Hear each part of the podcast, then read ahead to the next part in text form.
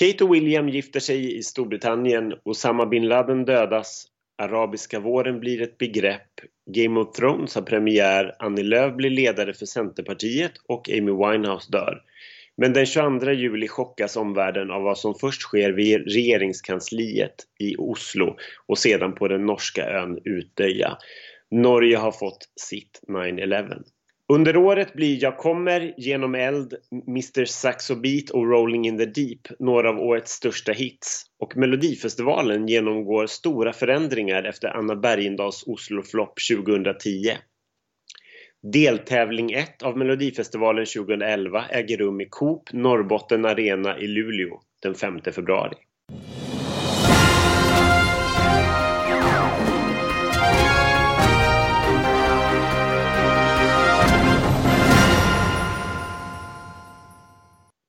Hej allihopa och välkomna till ännu ett avsnitt av QX Slagprofilernas podcast. Den här podden som den här säsongen går igenom en mellofinal eller en mellodeltävling. Man kan alltså säga en mellolördag helt enkelt eh, per avsnitt. Och vi som är QX Slagprofiler är fortfarande jag som heter Ken Olausson och min kollega Ronny Larsson. Som heter Ronny Larsson. Eh, 2011 har vi dimpt ner idag helt plötsligt.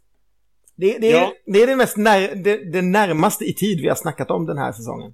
Ja, det känns, ju väldigt, det känns ju väldigt fräscht och det känns väldigt härligt att gå tillbaka och titta på, på den här deltävlingen som jag älskar av hela mitt hjärta och fortfarande önskar att Melodifestivalen lät så här.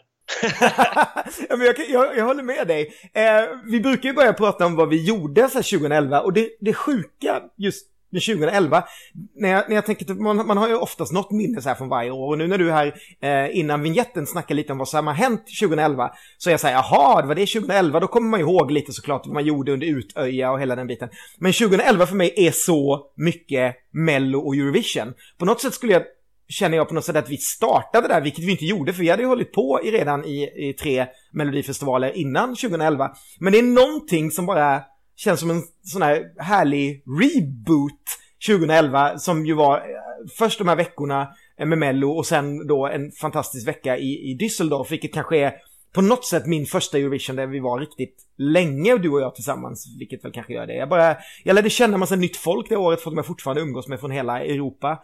Eh, vi lärde känna Hanna Fahl. Eh, vi, ja, men det, det, är så mycket just det här året som jag tycker är helt ljuvligt. Plus att jag hade suttit i juryn eh, året innan i september. Och det här var ju då min första gång som jag var med och hade hört låtar innan och liksom hade någon sorts relation till massa låtar, många av dem faktiskt i den här deltävlingen som vi ska prata om. Så 2011 för mig när någon, när någon frågar liksom, så är det alltid schlagerprofilerna, eh, Melodifestivalen och Eurovision. Ja, men jag, jag, håller, jag håller helt med.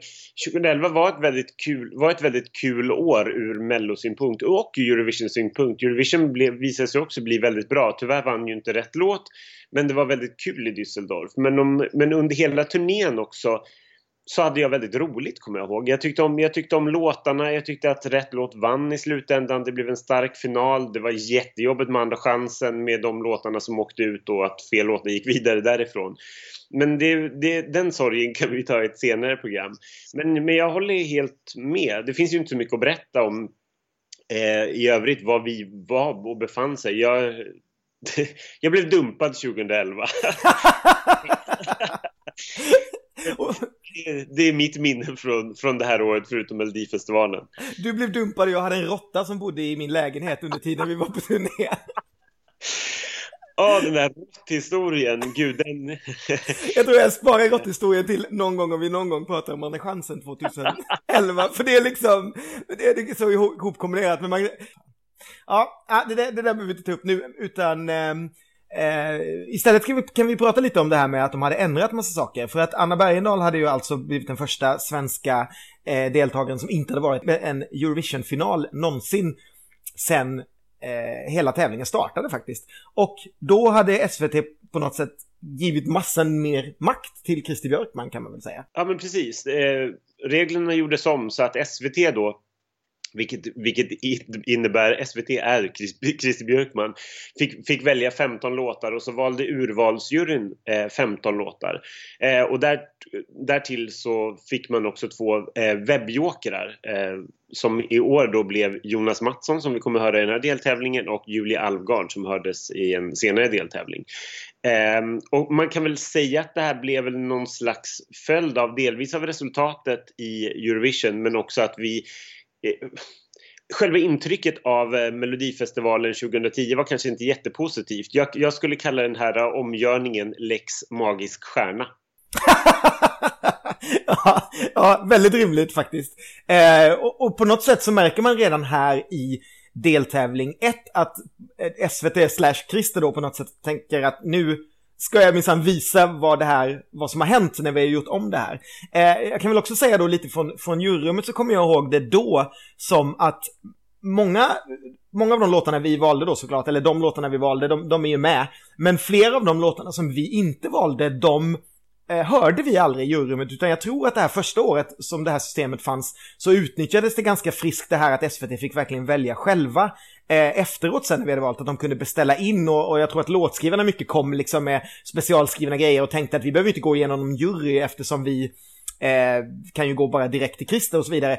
Eh, när jag sen framöver eh, satt i juryrummet flera år framåt sen eh, så var det helt annorlunda. Då vet jag att många av låtarna, även de som SVT sen valde, gick igenom juryn för att få en sån här liten vibb för vad, vad juryn tyckte och sen så plockade SVT med dem, eller så här, man bollade, det var väldigt, det blev färre och färre låtar som inte hade funnits i juryrummet som sen ändå kom med. Men just det här första året så minns jag att det är en hel del av de här låtarna då som, som var med som inte eh, fanns alls, utan som kanske specialskrevs eller kom in efteråt. Det var väl lite grann också att eh, processen i juryrummet gjordes väl om lite grann också om jag, om jag fattat det rätt.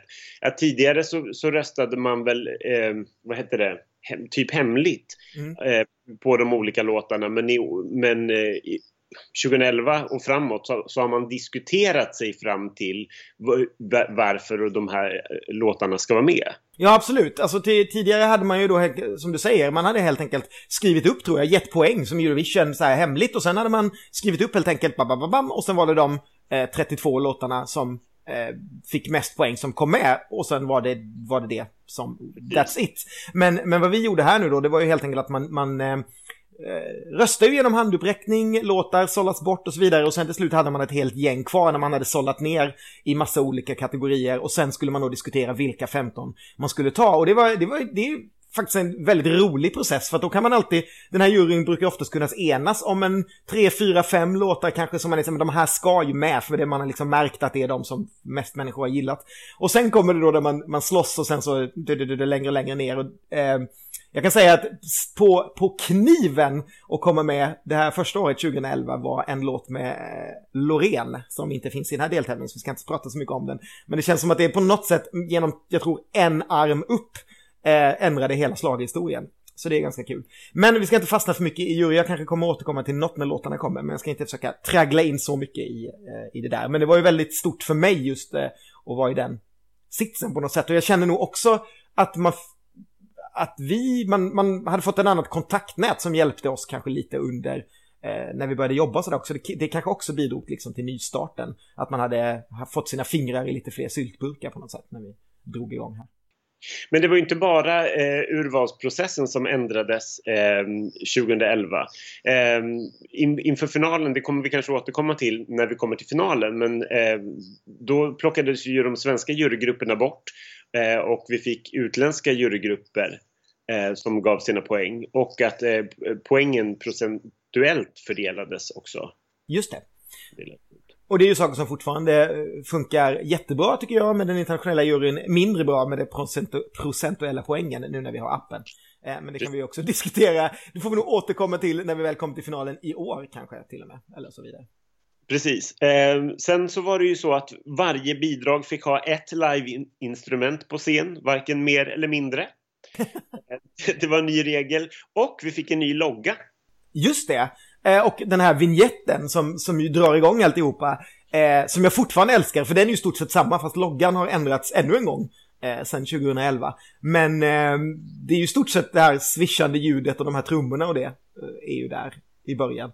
Vilket jag tycker är, fortfarande får lite så här rysningar nu när, när jag tittar på det. Även när vi tittar, när jag tittar om på det här så tycker jag att det är så här.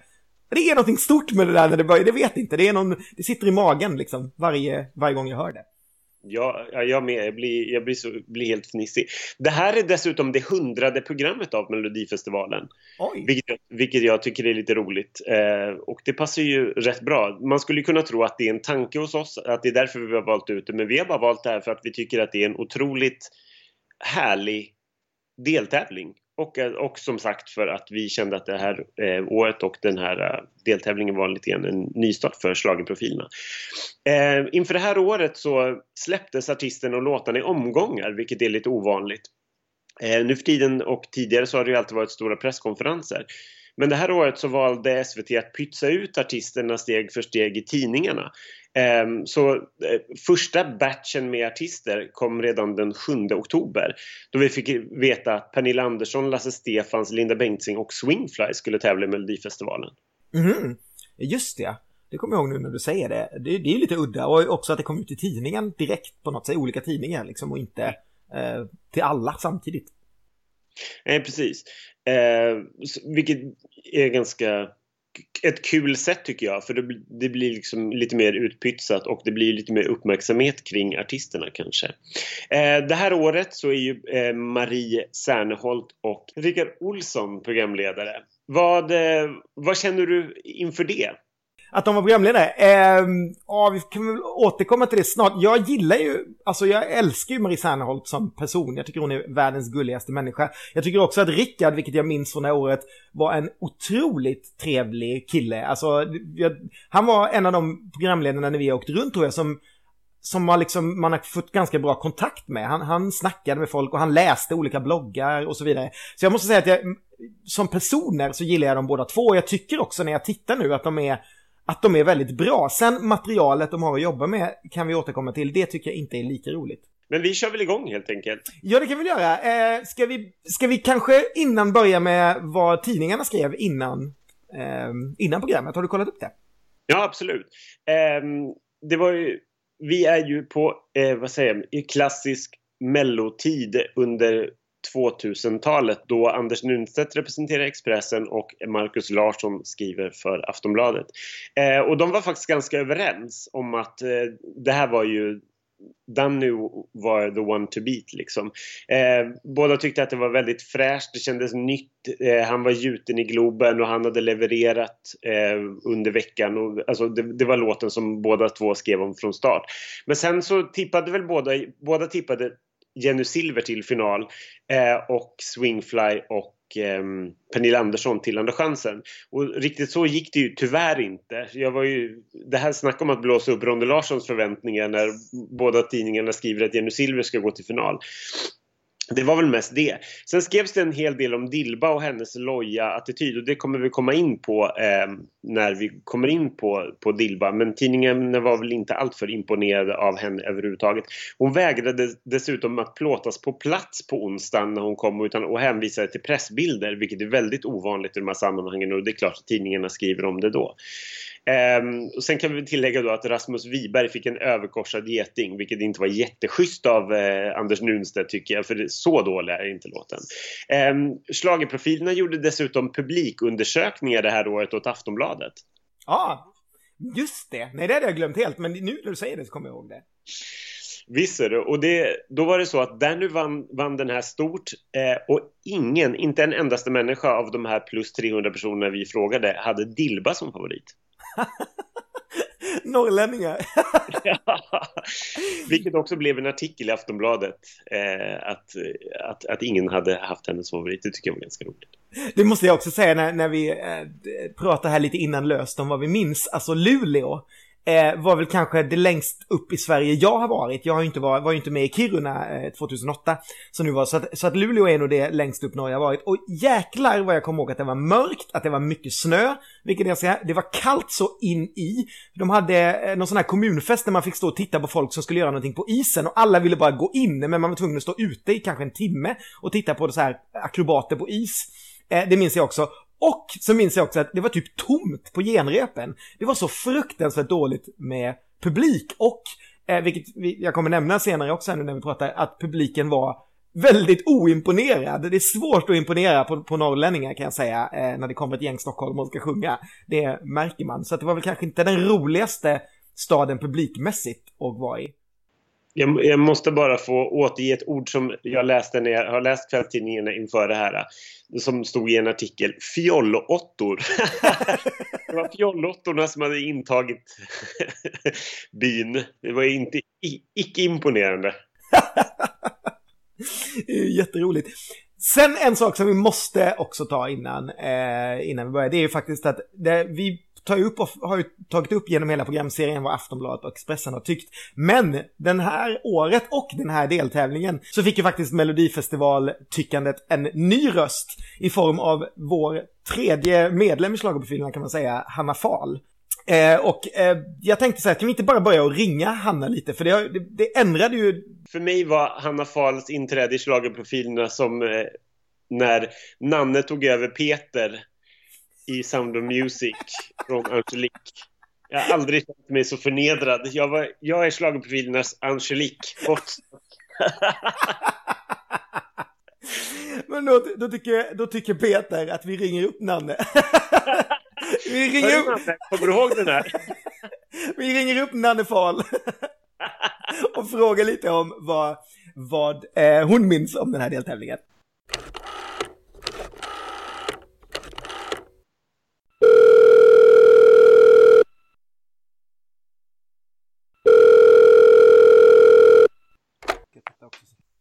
Ja, det är Hanna. Hej! Hanna! Hej! Nej men hej! det, här, det här är Schlagerprofilen. Vår älskade schlagervän sen så många år tillbaka. Ja, hej! Fint att prata med er. ja, härligt att prata med dig. Eh, så, så många år är det väl inte? Åtta? Nu ska vi inte vara så. Nu ska vi inte överdriva. Så länge vi... Nej, det är ju ganska länge. Vi, vi det är ganska här... många år. Det är ganska många år och det är precis det vi tänkte prata lite om. För vi tänkte göra, eller vi håller på och har tittat på Melodifestivalen 2011, första deltävlingen. Och det var ju där vi träffades. Alltså oförglömlig deltävling. Eh, även känd som min första deltävling någonsin. Vad, vad, vad, hur kom det sig att du började med det här överhuvudtaget? Ja men då när den här deltävlingen var, nu ska vi se, 5 februari 2011, då hade jag jobbat på DN eh, i kanske tre veckor eller någonting. Jag var helt ny på jobbet och eh, liksom bland det första jag fick veta när jag skulle börja var så här, ja men du, du ska bevaka Melodifestivalen. Eh, eller det var, näst, det var typ det enda min chef frågade på anställningsintervjun. Typ. Hur ser du, hur ställer du dig till att bevaka Melodifestivalen? Jag bara, gud vad roligt, absolut jättegärna. Och så blev det liksom mitt första uppdrag. Så jag visste ingenting. Du vet, jag hade så här, hämtat ut en dator, knappt hunnit få ett skrivbord och jag var också så himla sent ute så jag hade liksom bokat de här resorna, eller den här resan då till Luleå i absolut sista sekunden. Och eh, liksom, det var jättesvårt att få något hotell och jag hade ingen aning om vad, jag, vad, liksom, vad, vad som väntade mig så jag bara åkte dit, tog flyget till Luleå eh, och kastades in i Melodifestivalvärlden utan att veta ett skit och hade massa texter att skriva så jag bara, ja det är bara att göra det då. Men gillade du Mello innan liksom? Hade, tittade du och ja. hade du följt alla deltävlingar och åren innan? Ja, absolut, det hade jag gjort. Um, inte så slaviskt som jag har gjort när jag, nu när jag jobbat med det men eh, absolut varit eh, liksom ett fan sen barnsben. Inte, inte på samma nivå som ni men eh, också i vuxen ålder när jag jobbade på P3 så bevakade vi det lite grann, hade alltid koll på det och följde det vecka efter vecka och jag var också med i urvalsjuryn i ett år. Just det, vilket år då? Eh, eh Martin Stenmark-året, tyvärr. Men eh, så att jag, ja, jag, hade, jag hade ju liksom rätt bra. Om vi hoppar tillbaka till deltävlingen i Luleå, den här, ja. den här första. Vad var ditt intryck och vad, vad minns du? Gud, vad minns jag? Jag kände ju ingen. Visste inte hur någonting fungerade så jag antar, jag kom ju dit en onsdag eftermiddag checkade in på det här hotellet som också låg långt ut åt helvete i skogen så jag var tvungen att åka taxi typ 40 minuter för att komma in till stan varje dag. Uh, och så satt man där i den där arenan och lyssnade på repen på torsdagen. Det var ju mitt första möte med, med liksom hela den här eh, upp, liksom, maskineriet på något sätt. Och det här var ju en otroligt rolig deltävling att liksom, sitta och titta på rep på. Eh, Likid ju otroligt, eh, fortfarande ett av mina bästa liksom, live eh, shows eh, nummer genom alla de här åren som jag har bevakat. Det var så jävla roligt att sitta och se det där för första gången i arenan på repen med de här konfettisprutande tuttmuffinsarna och bara superkitschigt och jättesmart och snyggt gjort. Eh, och så var det ju Danny som ju var okej, det numret kanske inte har åldrats med supermycket värdighet. Men, men han var ju också så här, han kände sig också så himla, han kände sig ganska fräsch då i det här sammanhanget och bara, ja men gud, det här är ändå kul för att vara i Melodifestivalen. Det kändes som att det var på gång och ja, det var en rolig deltävling att börja med, absolut tycker jag. Mm. Va, va, tippade du rätt? Åh, oh, Gud vilken bra fråga. Nej, nej, den här deltävlingen tror jag att jag tippade ganska dåligt. Jag kommer faktiskt inte ihåg. Jag måste ha tippat Danny för jag höll ju på Danny hela vägen igenom. Men jag tror knappast, nu ska vi se vem gick med direkt i final, det var Swingfly va? Ja, nej det kan jag inte tänka mig att jag tippade rätt på. Eh, jag kommer faktiskt inte ihåg. Jag vet att någon av de där deltävlingarna mitt första år så hade, gjorde en sån fenomenal liksom, åtta rätt av åtta tippning. Men det var inte den här. så sjukt, det är så kul att du säger det med Kid, för det var verkligen det, eller kanske inte det, men nej, vi visste ju inte heller vem du var, men jag vet att jag läste och var så fruktansvärt imponerad över att det kom någon som skrev på ett annat sätt än vad någon hade gjort innan eh, om Melodifestivalen. Och då var det ju kanske främst också då din, eh, ditt eh, Lekid-älsk eftersom jag själv var helt besatt av Lekid. så det var ju verkligen det som, ja. som liksom förde mig så här fram till att liksom våga gå fram och prata med dig på efterfesten och vara helt så här fanboy-ig ja. över detta. Ja, men det var roligt, för Lekid var ju så rolig att skriva om för det kändes som att det fanns mycket så kopplingar tillbaka till pophistorien och mycket så sammanhang att sätta det i och någon sorts eh, Ja, men det var, det var kul att skriva om och det var, det, jag tror att det liksom, det var, det var liksom kanske den roligaste låten att skriva om den veckan tror jag. Det satte lite tonen för hur jag gjorde den där Melodifestivalbevakningen sen. Så att Lekid är absolut fortfarande, den låten ligger mig fortfarande väldigt varmt om hjärtat. They were robbed. They were robbed. Kommer du ihåg någonting om hur, eh, hur vi liksom började prata med varandra och hur vi liksom började hänga? Ja, eh, jag kommer ihåg tror jag. Eller i mitt huvud så var det så här. Eh, på lördagen då efter själva tävlingen så var det efterfest och jag kände ju som sagt då eh, inte människa. Så jag gick på den där efterfesten och stod där ganska ensam. Eh, och jag tror helt enkelt att ni, eller om det var Ken eller om det var båda, båda ni två kom fram och typ eh, bara adopterade mig. eller räddade mig, liksom. fiskade upp mig där jag stod och såg eh, ensam och tragisk ut på något eh, dansgolv med någon typ eh, snitttallrik i handen. Och eh, började snacka. Och sen kommer jag ihåg att vi pratade, satt och pratade lite med Lekid-gänget efteråt också eh, vid något bord. Det var ja, roligt. Men det, stämmer, det stämmer nog ganska bra och det var antagligen Ken som gick, gick fram. Det är han som brukar sköta dem socialt. jag tror att det var Ken och att du liksom kom i släptåg efteråt. på något sätt så minns alltså jag minns den festen så otroligt tydligt också nu när, jag, när vi pratade innan om vad jag minns från 2011 så är verkligen Melodifestivalen det jag minns från det året just för att jag tycker att det tog fart. Eh, eller hela den grejen som jag känner nu eller som har varit hela 10-talet på Mello på något sätt etablerades där genom att vi träffades och vi fick ju också någon sorts nytändning genom dig skulle jag säga. Eller det, blev, det har blivit så himla kul de här åren. Jag tror vi har pushat liksom varandra i olika riktningar om hur vi har skrivit och vem vi har pratat med och hur vi har tippat och liksom hela grejen. Det bara, det, var så, ja. det bara klickade så fruktansvärt bra på en sekund där. Och sen var vi, sen var vi på någon hysterisk efterfest också. Jag vet inte om du var med på den. Eh, efter den här grejen. Som jag minns. Oh, det kommer jag inte ihåg. Jag tror inte att jag var med på det. Var, berätta mer om den. Nej, men det, jag, det, var, något, det var något så här, på det, då på den tiden hade någon, jag tänker inte nämna några namn, hyrt ett speciellt hotellrum där festen var. Så att festen inte skulle vara på någons hotellrum utan det var på det här stället. Ja, men jag har massa konstiga bilder där folk ligger i olika högar i färgglada kläder. Det var ju väldigt... jag tror inte jag var med på den efterfesten faktiskt. Jag åkte nog hem till mitt fruktansvärda hotell långt ute i skogen utanför Luleå. Hur som helst, vi är i alla fall otroligt glada över att du har varit med alla de här åren och vi är otroligt glada över att vi knöt kontakt, eller att Ken knöt kontakt från början och att vi, det, det blev en liten treenighet av det här.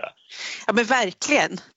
Vi skulle säga det där mötet på den där eh, efterfesten i Luleå 2011, det rankar nog ändå på topp 10 mest så här, betydelsefulla möten i mitt liv nästan tror jag. Som har påverkat de följande åren mest och sådär. Så att eh, ja, det var, det var en viktig, viktig kväll, viktig deltävling. Jag vill också minnas att Ken och jag var likadant klädda på den, på den här efterfesten. ja, som The Kid! Det var det. Vi var klädda, vi hade liksom svart, jag har att vi hade svarta kavajer, turkosa skjortor och rosa slipsar. Ja, ja, det stämmer. Det är faktiskt helt sant. Jag kommer ihåg det här nu. Jag ser det precis framför mig. Ett under att jag ens pratade med er. Nej, superroligt. Jättekul eh, att det blev som eh, det blev och vi har haft otroligt roligt under de här åren. Ja, verkligen. Hej då! Hej då! Vi säger så här. Puss och kram. Ja, det var Hanna. Vi tyckte ändå att vi behövde få in lite Hanna i den här podden. Eh, hon har betytt otroligt mycket för oss, eh, som vi sa, och för, för hur vi har klarat av den här cirkusen efter 2011. Det var jättekul att få med henne, tycker jag. Verkligen, och det, det var skönt att bli påmind om att det kanske inte var en så bra idé att ha likadana kläder när vi går på efterfester. Säg inte det, jag tänkte att det kanske skulle kunna vara en grej för 2019 att vi kommer i likadana pälsar och håruppsättningar. Japp, nej, men nu, nu har vi pratat ganska mycket om och kring. Nu tycker jag vi kastar oss över det här eh, avsnittet. Eh, rakt in i deltävling 1 2011.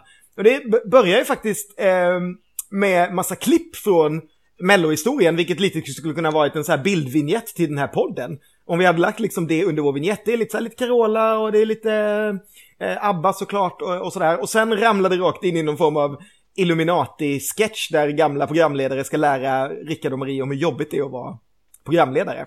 Ja, precis. Kåpa efter kåpa lättas, på, lättas det på och så får vi eh, möta Kristin Meltzer, eh, Anders Lundin, Ola Lindholm, Alexandra Pascalido, Petra Mede och Pontus Gårdinger. Eh, det här tycker jag är en rätt härlig start, måste jag säga. Jag tycker också det är jätteroligt. Jag tycker också det, det finns några så här roliga, eh, snygga saker som Rickard levererar när de, när de sitter och säger det är så svårt. Och så säger han, vadå, ropa hej Luleå och presentera Dilba, hur svårt kan det vara? Vilket är liksom, jag tycker egentligen borde vara allas inställning när man går in och tar det här programmet. Hur svårt är det att presentera Dilba liksom? Och, men sen då bränner, bränner de av massa roliga grejer om att eh, Petra Mede hade 14 klänningar på 10 minuter. Eh, och så vidare. Eh, nej men det är faktiskt en ganska kul öppning. Eh, tycker jag. Och sen, men och som sen då övergår i kanske det mest klassiska man kan göra som programledare i en melodifestivalsändning, nämligen ett schlagermedley med ny text. Det är så roligt på något sätt att det verkligen är så här att det etableras trender just i hur man startar Melodifestivalen. För nu har jag gått tillbaka och tittat på gamla Melodifestivaler, 80 och 90-tal, att varenda jävla program ska börja med dans. Det ska dansas till förbannelse liksom. De ska dansa in i arenan, de ska dansa in i olika salonger. Och under liksom nutid så ska det sjungas om gamla saker i Melodifestivalen liksom.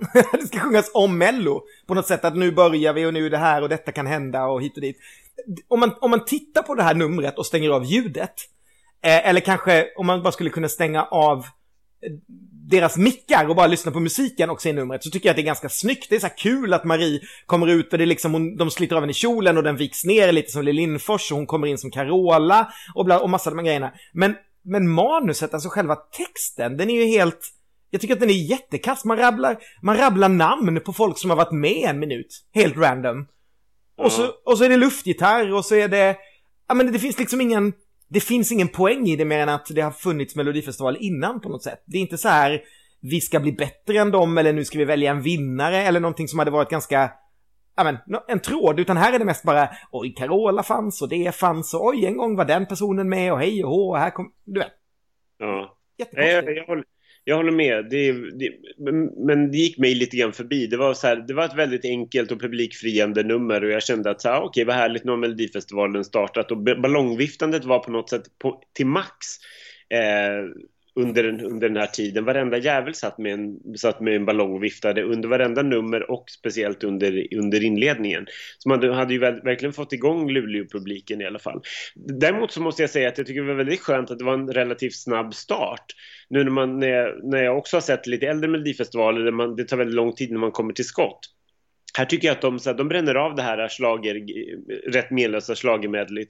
Eh, och sen så börjar de med liksom, nu kör vi. Och sen Ja. så kör vi introt. Det tycker jag var ganska skönt. Ja, det håller jag med om också. Trots att vi får den här eh, Charlottes bröst växte i sändning som är liksom lite nutida Melodifestivalen motsvarighet till Anders Berglund. Det liksom har varit med en gång för mycket. vi, kan, vi kan sluta prata om det. Och sen är det också någon sån här random lokalreferens också, att det står någon hockeygubbe och, och DJar. Och han ser så obekväm ut när han står i sin lilla, lilla hockeymundering vid, vid sidan. Och det är typ bara publiken i arenan som fattar vem han är. Och ingen framför tv-apparaterna. Nej, eh, fast, fast det, det kan jag tycka ändå är lite charmigt för att då, då får man in den här lokala referensen i alla fall. Som kanske inte alla människor måste veta vad det är för någonting men som folket i arenan tycker det är rätt härligt. Det gör mig ingenting, det är en, så här, det är en liten flört men jag håller med om att han ser fruktansvärt obe, obekväm ut verkligen. Ja, och sen så som du säger, sen är det Nu kör vi och så är det det nya introt med den nya loggan och hela grejen, det vi pratade om innan. Eh, och sen är det en liten öppning om, där man bland annat nämner eh, revolutionen i Egypten som hade startat veckan innan. Så det startades lite så här seriöst, men då att man ska, här ska vi minsann eh, välja en vinnare och att det är tionde året som Melodifestivalen är på turné och lite extra allt på menyn och sådär. Och här bland annat nämner man ju då det här som komma skall, att man ska ha en, en stjärngäst varje vecka och att den här veckan är Nanne. Ja, det känns ju lite märkligt måste jag säga. Just att man så här boostar upp den här grejen av att Nanne kommer dyka upp i programmet. Lite grann som att, att det är 2001 och att Roxette kommer komma senare i programmet. Det är liksom, det, är- det, det är inte jättelyxigt att få Nanne Grönvall i Melodifestivalen. Nej, ja, precis den tanken tänkte jag också. Att det är så här, det är... Det här rabblandet om stjärngäst och sen är det Nanne känns ju lite så här, jaha, var inte hon med nyss? Nej, det är konstigt att man gör en grej av det i alla fall innan. Eh, men, men speciellt någon ska dyka upp i programmet senare och göra någonting som inte är så spektakulärt. Men sen så eh, får vi i alla fall möta de som ska hålla i vykorten som är Katrin Sundberg och Per Andersson som, och, som är på besök eh, hos Carl Bildt. Ja, men precis. Och det hade jag faktiskt glömt. Jag kommer ihåg de här vykorten, men jag kommer inte ihåg att det var den här startsketchen som faktiskt är lite...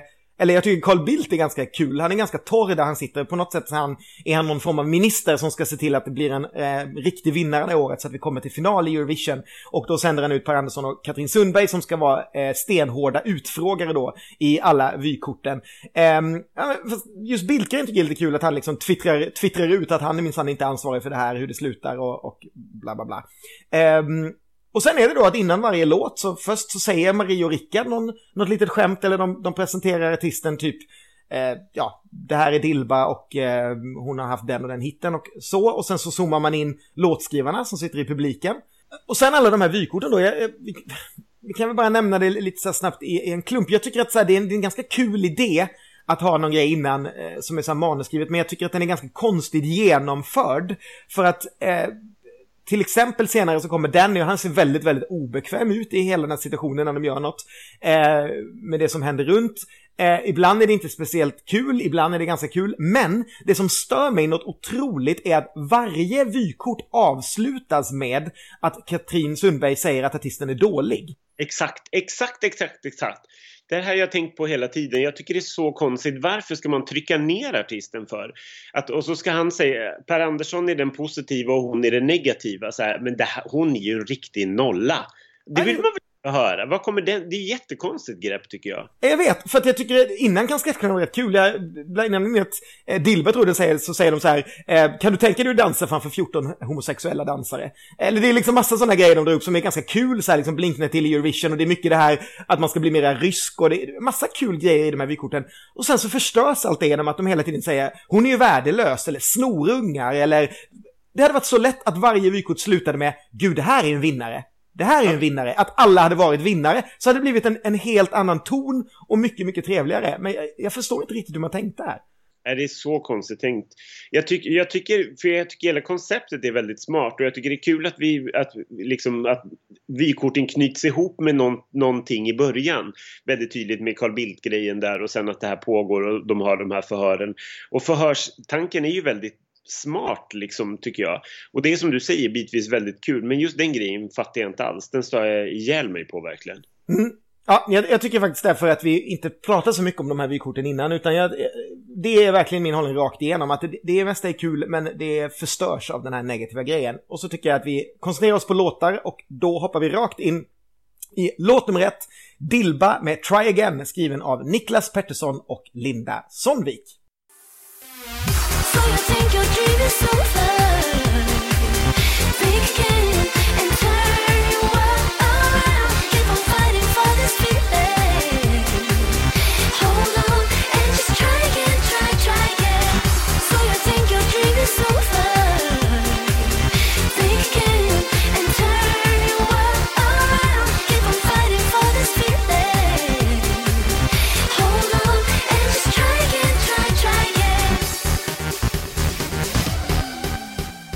Den här låten tycker jag ju är jättebra. Jag älskar den här.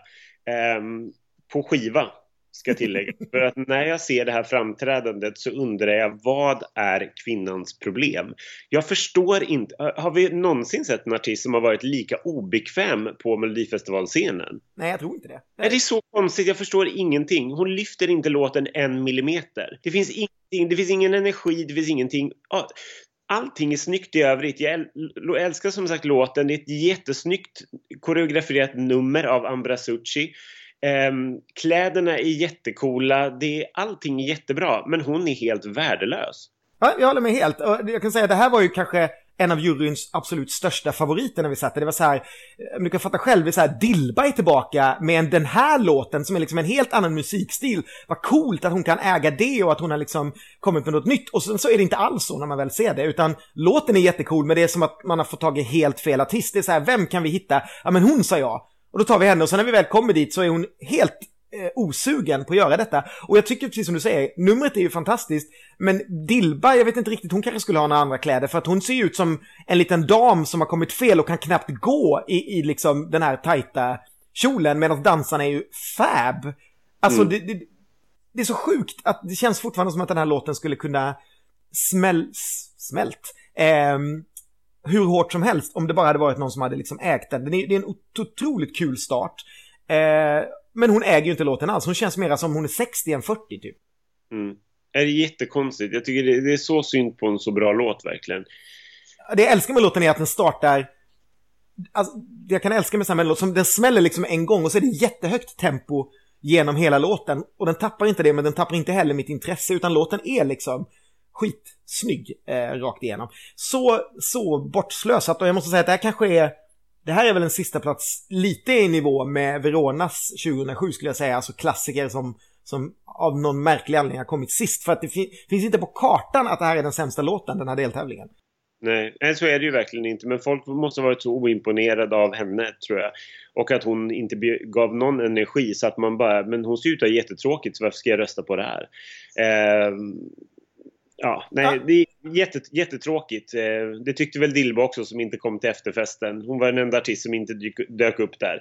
Och hon kändes överhuvudtaget så här ganska, ganska loj för att hon fick en hel del kritik för det här innan. För tidningarna skrev, eh, skrev om just att hon hade problem att sätta koreografin och att hon såg så loj ut. Och hon liksom bara avfärdar det där med att så här, men det är så här det ska vara och det är, det är liksom, det kommer, det kommer nog sitta, det är mycket att, det är mycket att lära sig men det kommer nog sitta när det väl är dags och det gjorde det ju liksom inte. Nej, det gjorde det verkligen inte. Och det märks faktiskt när de filmar publiken efteråt, det du sa där, att det inte var en enda person som röstade på Dilba. De ser jättetrötta ut, norrlänningarna där. Det, det är totalt noll entusiasm efter den här låten, som egentligen borde varit en explosion, liksom, i början.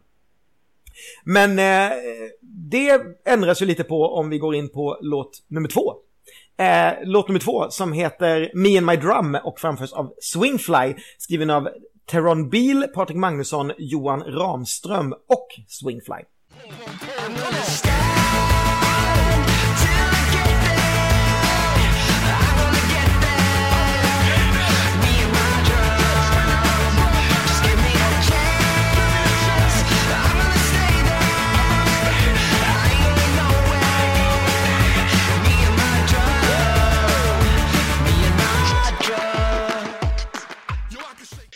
Måste jag säga att jag tycker att det är lite konstigt eh, att man satte Dilba som första låt eh, och inte den här. Eh, nu visste man ju kanske inte hur det skulle gå för, för Swingfly överhuvudtaget men jag tycker det är konstigt att man inte börjar med glädje för att Dilbas låt är ju ganska hård och kall även om den är väldigt bra. Det här är mycket mer glädje och mycket mer inbjudande så det var mycket härligare att börja med den här tycker jag. Mm. Nej, men jag håller med. Jag tror eh, det här är också en jurylåt, men det är inte en låt som jag liksom direkt kommer ihåg, utan den, den slank liksom bara med. Så jag kan tänka mig att det på något sätt också färgade hur man satte låtarna i startordningen, att man gick ganska mycket på reaktioner där, vad som hade varit liksom stora favoriter, och att man ville börja med någonting som man kanske trodde på och sådär, som var på pappret Dilba. Men jag tror att om man kunde, och det är väl, har vi väl sett kanske flera gånger, eh, skulle jag kunna tänka mig, när man kommer till en deltävling och ser hur allting ser ut, att man kanske inte skulle placerat dem sådär när man ser att okej, nummer två är ju en mycket större explosion än vad eh, låt nummer ett var till exempel. För det här är ju, det här är ju rätt härligt, det är ju sjukt party. Eh, jag, jag trodde nog inte alls på den då, men det är ju lätt när man tittar här och har sett Dilba innan, vilket jag tror hjälper det något otroligt, för att det blir ju total glädje liksom. Det är lördagsparty rakt hem i soffan och han, Kristoffer Hiding, eh, ja men det, det, det är en bra liksom match med, med Swingfly. Det blir, det blir något kul tycker jag. Och så är det ju Mimmi Werners tjejtrummor som dyker upp för första gången. Hurra! Eh, jag älskar det här jättemycket. Jag tycker den här låten fortfarande är jättebra. Jag tycker att den är riktigt härlig och jag är, jag är ganska stolt över att vi ändå hade ganska bra koll på, på den här när det begav sig. För vi trodde på en liten miniskräll. Vi både trodde och hoppades på andra chansen i alla fall. Um, och nu gick den ju till final men det var ju väldigt härligt. Vi var väldigt positiva och gav, jag gav en fyra och du gav en trea. Mhm. Det var säkert färgat från juryn igen skulle jag säga. Lite svårt att ändra mig när jag, när jag väl... jag tror att det första året hade jag så här cementerade åsikter vad jag skulle tro, efter, eller tänka och tycka efter juryrummet när jag kom liksom dit. Kan jag om jag kommer ihåg, tänka så här efteråt.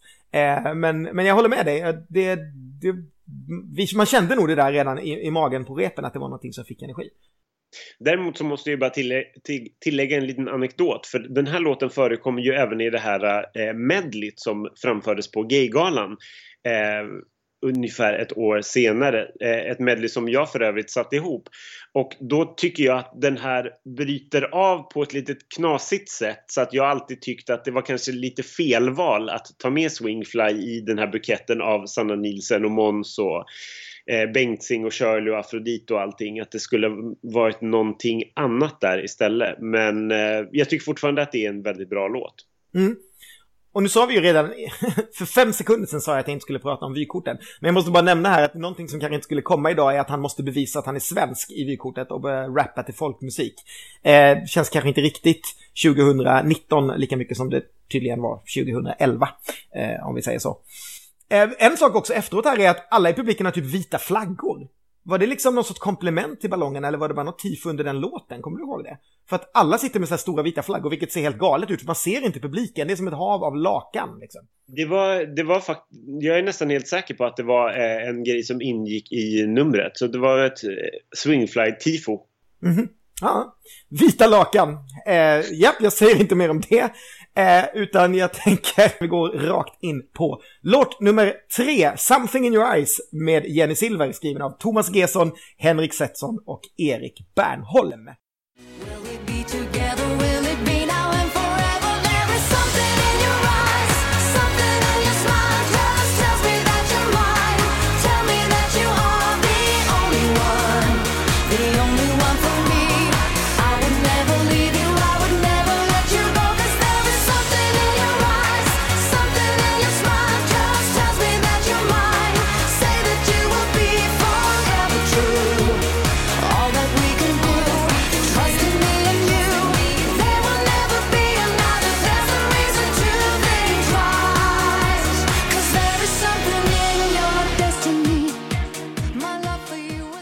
Och nu har jag verkligen something in my eye. För det, det är en stor tår över att den här typen av musik inte finns med i Melodifestivalen längre.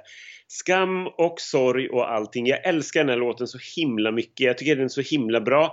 Hon är asnygg redan i vykortet.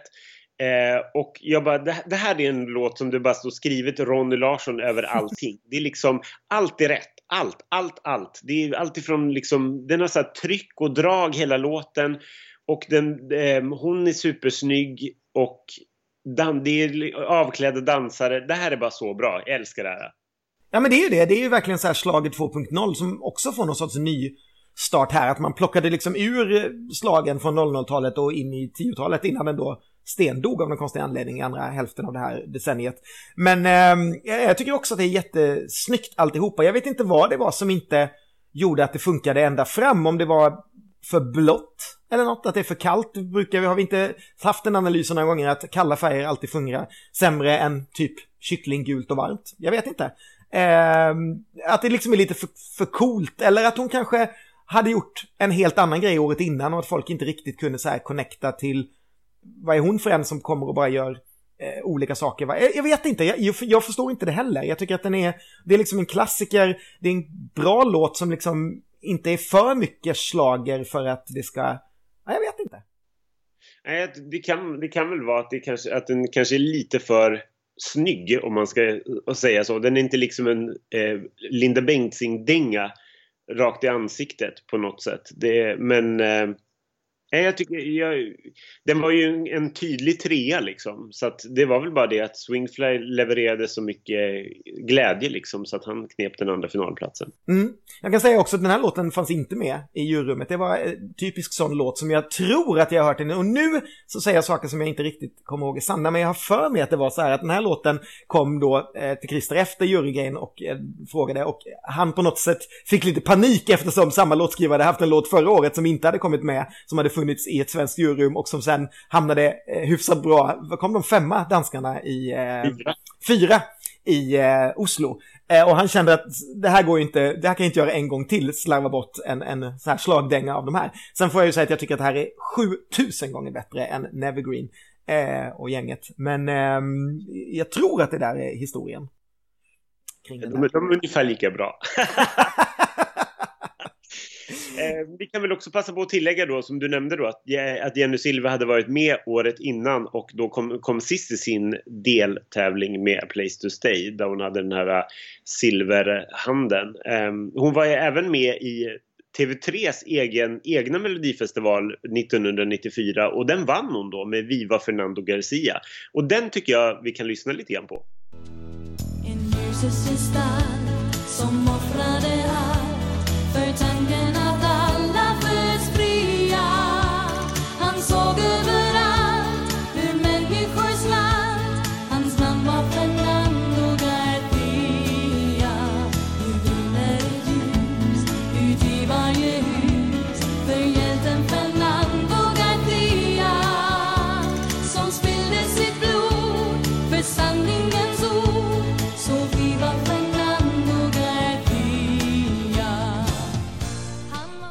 Där har vi den! Det var väl den här året när, när Bert tyckte att alla bra låtar hade inte kommit med och det här var en av dem han ville. Eh, Precis. Det var lite, lite trevlig. Ehm, ja, har vi mer? Vi har nog alltid mer att säga om Jenny Silver, men ska vi nöja oss med, some, something in your eyes-snacket där? Eller vill du, är det något mer du vill tillägga? Eh, nej, jag, jag får väl ge mig. det var- Vi får sluta där. Och så hoppar vi istället till låt nummer fyra, On My Own med Jonas Mattsson, skriven av Peter Autio och Sari Autio Olsson. Oh,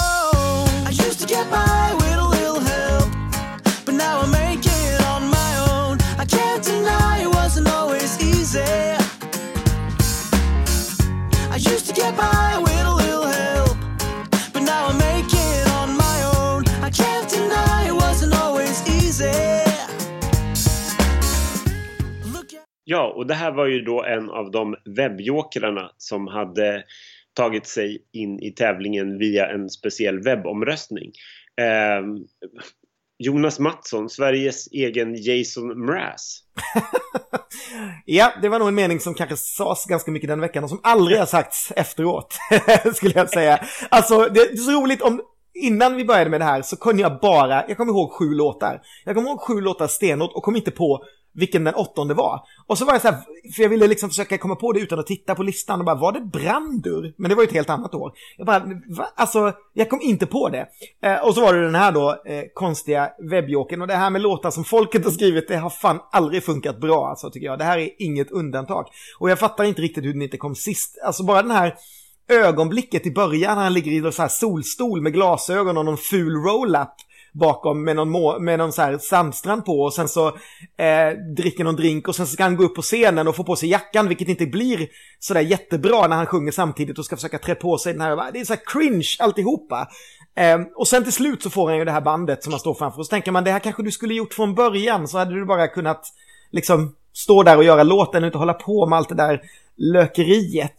Eh, ja, eh, och så får jag så här pussar av körtjejerna, vilket bara känns så obekvämt också. Allting bara känns obekvämt.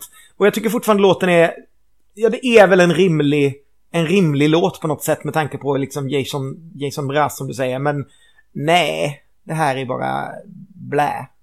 Ja. Nej, det är, inte, det är inte jättekul. Jag, hade, jag kommer ihåg att jag hade någon så här slapp, slags... Jag var lite rädd att det här skulle skrälla just i sin enkelhet. Att, här, att folk skulle tilltalas av att ja, men han var rätt charmig och det är så här en enkel låt. Men nu förstår jag inte alls hur jag kunde tänka det. Eh, det känns ju jättekonstigt. Det, var ju, det är rätt kul att han, han börjar ju då i en solstol ute i publiken. Men egentligen skulle det ha varit en hängmatta. Men det gick inte att lösa av logistiska skäl. Så det blev en liten solstol istället för Jonas Mattsson. Han är inte superstark i rösten heller tycker jag. Nej, det, jag tycker inte det finns någonting starkt där överhuvudtaget. Det är så här, ja men den där typen av artister som kommer upp ganska ofta. Det är liksom inget fel på dem. De kan sjunga sådär. De har väl varit liksom ganska stora i sin hemkommun någonstans. Och så kommer de till Mello och så faller det lite ihop för att det, det liksom inte lyckas matcha allt det här stora eh, som finns liksom. Visst, sen finns det ju genombrott också såklart, men det finns ju en väldigt, väldigt eh, stor del sådana här artister som bara dyker upp, får sin liksom strålkastare på sig en vecka och sen så händer det inte så mycket mer. Men eh, från den här solstolen så kan vi vi lämnar väl helt enkelt Jonas Mattsson och så hoppar vi vidare till någonting som är kanske lite roligare att prata om. Jag var lite rädd att du skulle säga det här från en artist som bara fick synas en vecka till en annan. Men jag, jag är väldigt tacksam att du inte gjorde det. Eh, för nu, nu kommer vi ju till låt nummer fem eh, med Le Kid som heter Oh My God skriven av Märta Graues, Anton Malmberg, Hård av Segerstad och Felix Persson.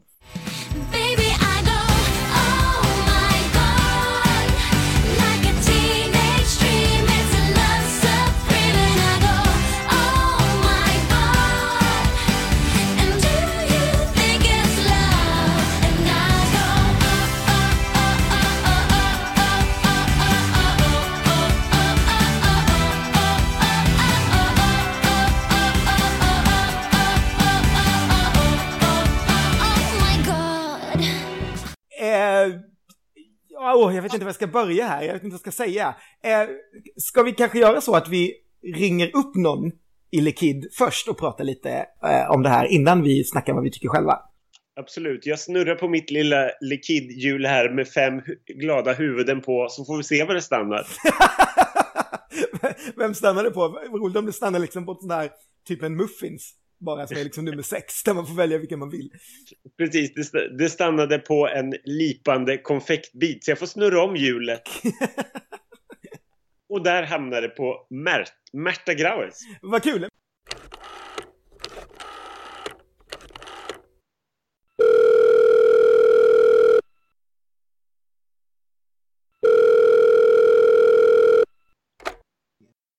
Hej, det är Märta. Hallå Märta, det här är schlagerprofilerna som anropar Märta Grauers. Hej, vad kul! Hur, eh, du, vi, vi måste ju prata lite grann eh, om eh, Le Kids medverkan i Melodifestivalen i deltävling 1 här eh, 2011. Hur kom det sig att ni var med? Att ni kom med? Ja, men ehm, jag tror det, det fanns ju intresse från SVT och vi hade skickat in tidigare eh, en helt annan låt som vi tänkte att eh, som skulle passa oss liksom där. Som sen hamnade på albumet. Um, men sen så var det ju såklart så att SVT hade också en bild lite av vad de ville ha av oss om vi skulle vara med. Så de ville ju gärna ha lite show. Um, så då specialskrev vi faktiskt Oh my God till, till uh, Mello. Okej, och de var nöjda på en gång? Nej, nej, det var de ju inte. Jag kommer ihåg att det var mycket, mycket turer fram och tillbaka och så, absolut. Ehm, så eh, jag kommer inte riktigt ihåg när den blev klar, men eh, det var ju liksom senare in på um, där väl framåt november, december. Och jag kommer ihåg vi fick så bekräftat, liksom, ni är med jag tror det var så här dagen innan presskonferensen eller någonting. Så det var ju så här snabba ryck. Okay. Vi, fixa med kläder och annat. Så det var brådis. Alltså saken var ju den att den första låten som figurerade så här som alla gick igång på det var ju Mercy Mercy. Eh, alltså inte bara Mello utan överlag liksom för Kid. Eh, så alla ville ju alltid, det var liksom det som var så här Le Kid på något sätt. Så då ville de ju ha det. Fast en låt som då inte hade spelats offentligt. En låt i samma anda helt enkelt. ja, precis. Okej. Men det, eh, det, när ni väl var med sen eh, i den här deltävlingen så kändes allting väldigt så här, eh, uppstyrt och ordnat och det är ett väldigt konceptuellt nummer. Vad, hur, hur kom ni fram till hur det skulle se ut på scenen? Ehm, jag tror egentligen att det som var själva... Det vi ville göra var att eh, använda möjligheten till att göra en riktigt stor, fet grej av det. Liksom more is more. Um, jag kommer ihåg att vi bollade ju jättemycket liksom, idéer med vad vi kunde göra och vad vi ville ha med. Um, och det var mycket så här, vi drog grejer själva för att det var också, vi, ja, vi ville liksom ha kontroll och um, inte bara lägga det till SVT att de skulle sköta det. Så att jag kommer ihåg vi hade kontakt med en jätteduktig, hon hon som gjorde de här lakritskonfekterna. Vilket var ett bisarrt jobb. Eh, de här som kunde öppna munnarna liksom och sånt. Det var mycket sånt fix. Var det någon, kommer du ihåg någonting som ni inte fick med? Som ni ville ha med? Nej, det kan jag faktiskt inte komma ihåg. Eh, men det var mycket snack om det där med de här eh, muffinsarna i slutet. Eh, jag, det var väl visst så här lite att det var, det var kanske lite too much. Eh, eftersom det ser ut som två bröst. Eh, så här. Men, men eh, det... Jag tror nog vi fick igenom det mesta faktiskt. Vad minns du från deltävlingen i Luleå överhuvudtaget när ni kom dit liksom? Ehm, jag minns att det var ju så himla mycket så här, pressat schema hela tiden. Eh, jag hade ju bara varit med som låtskrivare tidigare och då mest öla man runt och, och liksom ja, ha det ganska nice. Ehm, här skulle man ju så här vara snygg och typ visa sig ute bland press hela tiden och det var ju liksom rep och grejer. Så att jag var nog lite, jag var inte så van vid det liksom. Så det, det var mycket, mycket hela tiden. Liksom. Du, du var ju med som låtskrivare nu eh, förra året och gick till final med Martin Almgren och Bitter Lullaby. Mm. Hur var, hur var det, den upplevelsen om du jämför med eh, Le Kid-upplevelsen liksom, från 2011? Det var ju helt olika kan jag säga. Alltså, Liquid var ju så himla mycket, eh, där var man ju också så himla involverad. Eh, Alltså Liquid var ju så himla viktigt så för mig också. Och för Mm. bandet liksom. Så att där brydde man ju sig såklart jättemycket om hur det Alltså hur det såg ut i tv och hela den biten och hur det lät och, och så. Ehm, och vad vi gjorde och ja men liksom allt. Eh, med Martin var det så här att jag kände att så här, ja, men jag kan lägga över allting i trygga händer för att det är han som ska stå för det och alltså det gjorde ju också självklart men, men det är han som är artisten och mitt jobb var liksom som låtskrivare och producent och då kände jag väl lite att jag hade, jag var klar när jag kom till Malmö helt enkelt. Så ska jag säga. Mm. Mitt jobb var liksom gjort på något vis. Hur upp, ni var ju med om en väldigt speciell grej i, i, under programmets eh, gång. När, eh, när fel, eh, fel artister ropades ut. Så det, eh, det ropades ut att Jenny Silver och eh, Pernilla Andersson skulle duellera om eh, eller någon av dem hade åkt ut och någon hade gått andra chansen. Vilket betydde då att Lekid, som var en av de här fem, hade gått vidare. Men sen så ändrade sig ju programledaren och sa att in, så inte var fallet. Vad hann, ni, vad hann du tänka under den här? Eh, alltså det där gick så himla fort. Och jag, jag tror faktiskt inte jag hann tänka så mycket. Det, det, men, men det han komma någon sån där total förvåning bara. Va? va, va? Eh, för att jag liksom, jag kommer ihåg att för min del så var det så här, bara vi inte kommer sist. Låt oss slippa den förnedringen för att då blir det så här jobbigt bara. Men ehm, i det ögonblicket så var det väl mer efteråt bara, men vänta du här. Det här var ju inte, det här var ju inte schysst liksom. Vad betyder det för Lekid att vara med i Melodifestivalen om du, om du ser tillbaka på det? Eh, det betydde jättemycket faktiskt. Ehm, vi, vi fick ju ehm, en, en massa nya fans eh, som vi inte alls hade nått ut till tidigare. Alltså, det blev ju de här mer, blir mer, mer folkliga på ett sätt, vilket är superkonstigt. Men sen framförallt barn. Vi har, det var jättemycket barn som, som gillade oss och det kan man ju förstå med, med det här färgglada fast vi trodde väl kanske hela tiden att vi nådde en annan målgrupp lite grann. Men det betydde väldigt mycket och vi fick en massa roliga spelningar och sånt efter. Men vad, vad hände med Lekid sen? Det, det, bara, det, det, det bara tog slut. Ja men eh, efter Melodifestivalen så spelade vi mycket. Vi släppte ju fler singlar och men det som hände var ju att vi gjorde inte så mycket mer grejer i Sverige utan vi eh, det blev väl en liten paus där på ett litet tag men sen släppte vi ju en ny, ny singel, We Are Young. Um, också i Sverige. Alltså nu, gud, jag känner mig så uh, glömsk. men um, ja, men vi var jättemycket i Tyskland och turnerade i Tyskland och den släpptes i Italien och alltså vi, så vi var ute ganska mycket. Och sen Danmark har ju alltid varit lite mer på tåget också. Men så vi gjorde inte så mycket mer i Sverige faktiskt efter det. Men ehm, ja, Tack så hemskt mycket för att du orkade prata lite om Lekid med oss. roligt. Ja, men tack så jättemycket. Kul att du var med och eh, jag hoppas att vi får både höra och se mer av dig framöver. Ja, tack för att ni ville intervjua mig. Ha det fint! Hej då! Ja, Lekid, Mata Growers. Där alltså, som ju var ett band som jag hade eh, varit helt besatt av eh, några år tidigare, sen jag upptäckte Mercy Mercy och hade hängt med rätt hårt. Och det var ju bra att Märta berättade där att den här låten inte alls fanns med i något juryrum. Eh, för att det hade ju kanske känts lite jävigt med tanke på hur mycket jag har hyllat den här låten genom tiden när man själv satt i juryrummet. Men de var alltså inte ens med där på något sätt.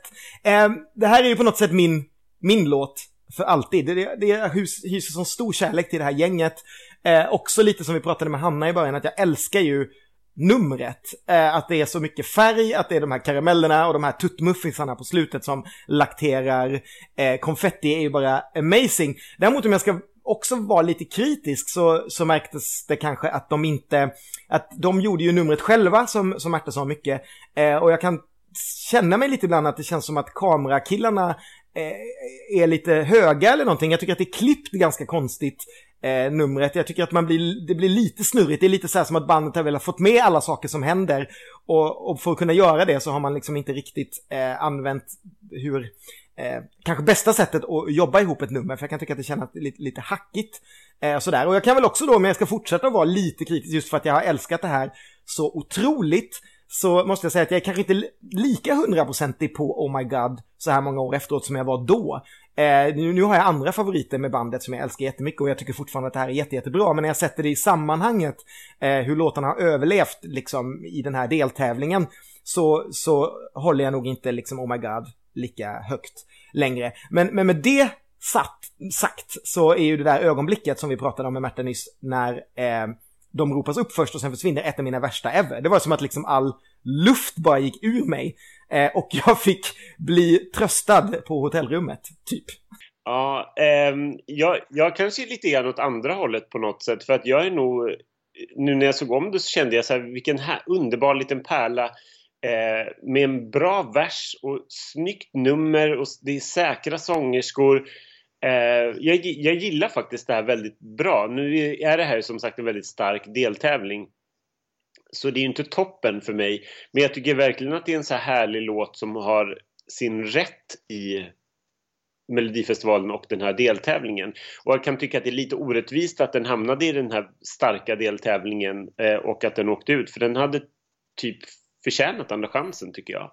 Men jag håller med, jag håller precis med där. Jag, jag, jag, jag, måste säga att det är inte på något sätt för att dissa det, utan det är verkligen när jag ser om det eh, och, och ser liksom just den här deltävlingen. Den är otroligt stark och då kan jag på något sätt förstå varför det inte blev andra chansen. Men i det stora hela, eh, och om man säger vad som kom sen i de andra tre deltävlingarna, så tycker jag absolut att den förtjänat att komma minst till andra chansen. För precis som du säger, det, det är så härligt, det är så glatt, det är någonting som inte finns eh, i övrigt och de var fan jävligt, jävligt bra det här gänget.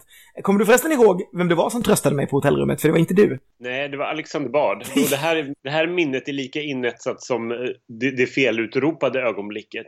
När, när liksom Alexander Bard springer ut i hallen, eh, i hotellkorridoren och säger till Ken Ken, det är över. Lekid ute. Är Precis så det var. Jag kunde alltså inte titta utan jag bara gick Alltså när de hade då blivit ställda sen mot, eh, var Pernilla Andersson va? Som de ställdes Ja. mot, ja. Då gick jag bara ut ur rummet och stod typ i någon liten så här receptions area och hängde eh, där det fanns en tv och där satt några killar och tittade på fotboll istället. De var helt ointresserade av att titta på Mello bevisligen. Eh, så att där stod jag när Alexander kom hem till mig och sa att allting var över. Och det, vilket, vilket är ett väldigt, väldigt fint ögonblick och också, men också en väldigt fin bild av eh, vem Alexander Bard är. Det är lätt att få en bild av honom som någon slags väldigt kaxig och självsäker och väldigt stark person som inte har så mycket känslor på det sättet. Men det här var ett väldigt starkt ögonblick för mig. Jag, jag håller med. Han, han var, det var, nu, nu kan vi inte säga att vi har hängt med honom på så särskilt många år, men just då var jag väldigt eh, underbar människa att hänga med och väldigt, väldigt trevlig. Ja, här har Rickard en rolig replik också med vilka, vilka schyssta rattmuffins. Jag tror de jäste under sändning.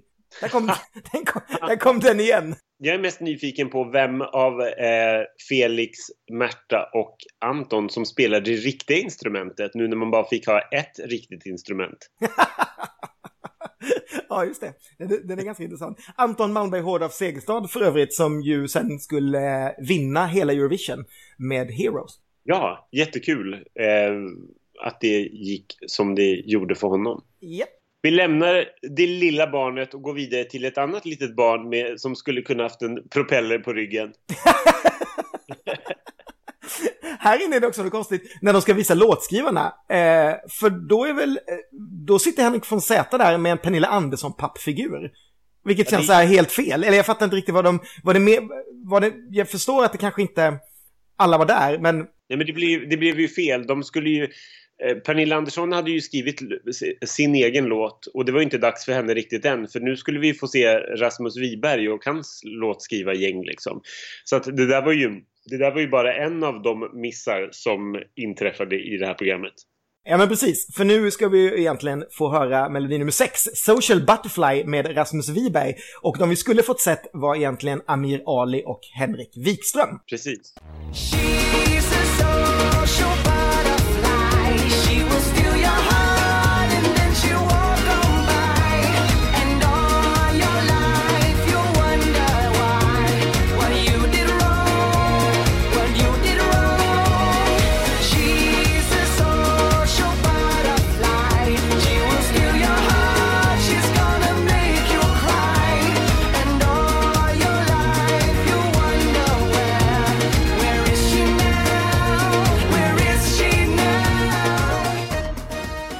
Den här låten kan jag då berätta för dig eh, var kanske en av juryrummets absolut största favoriter också. Vilket kanske känns lite märkligt när man ser det. Eh, men den var kanske, jag tror det var en av de så här topp tre som for vidare, eller fem i alla fall, topp fem av de som plockades vidare liksom först in i finalen. Så var det här en av dem.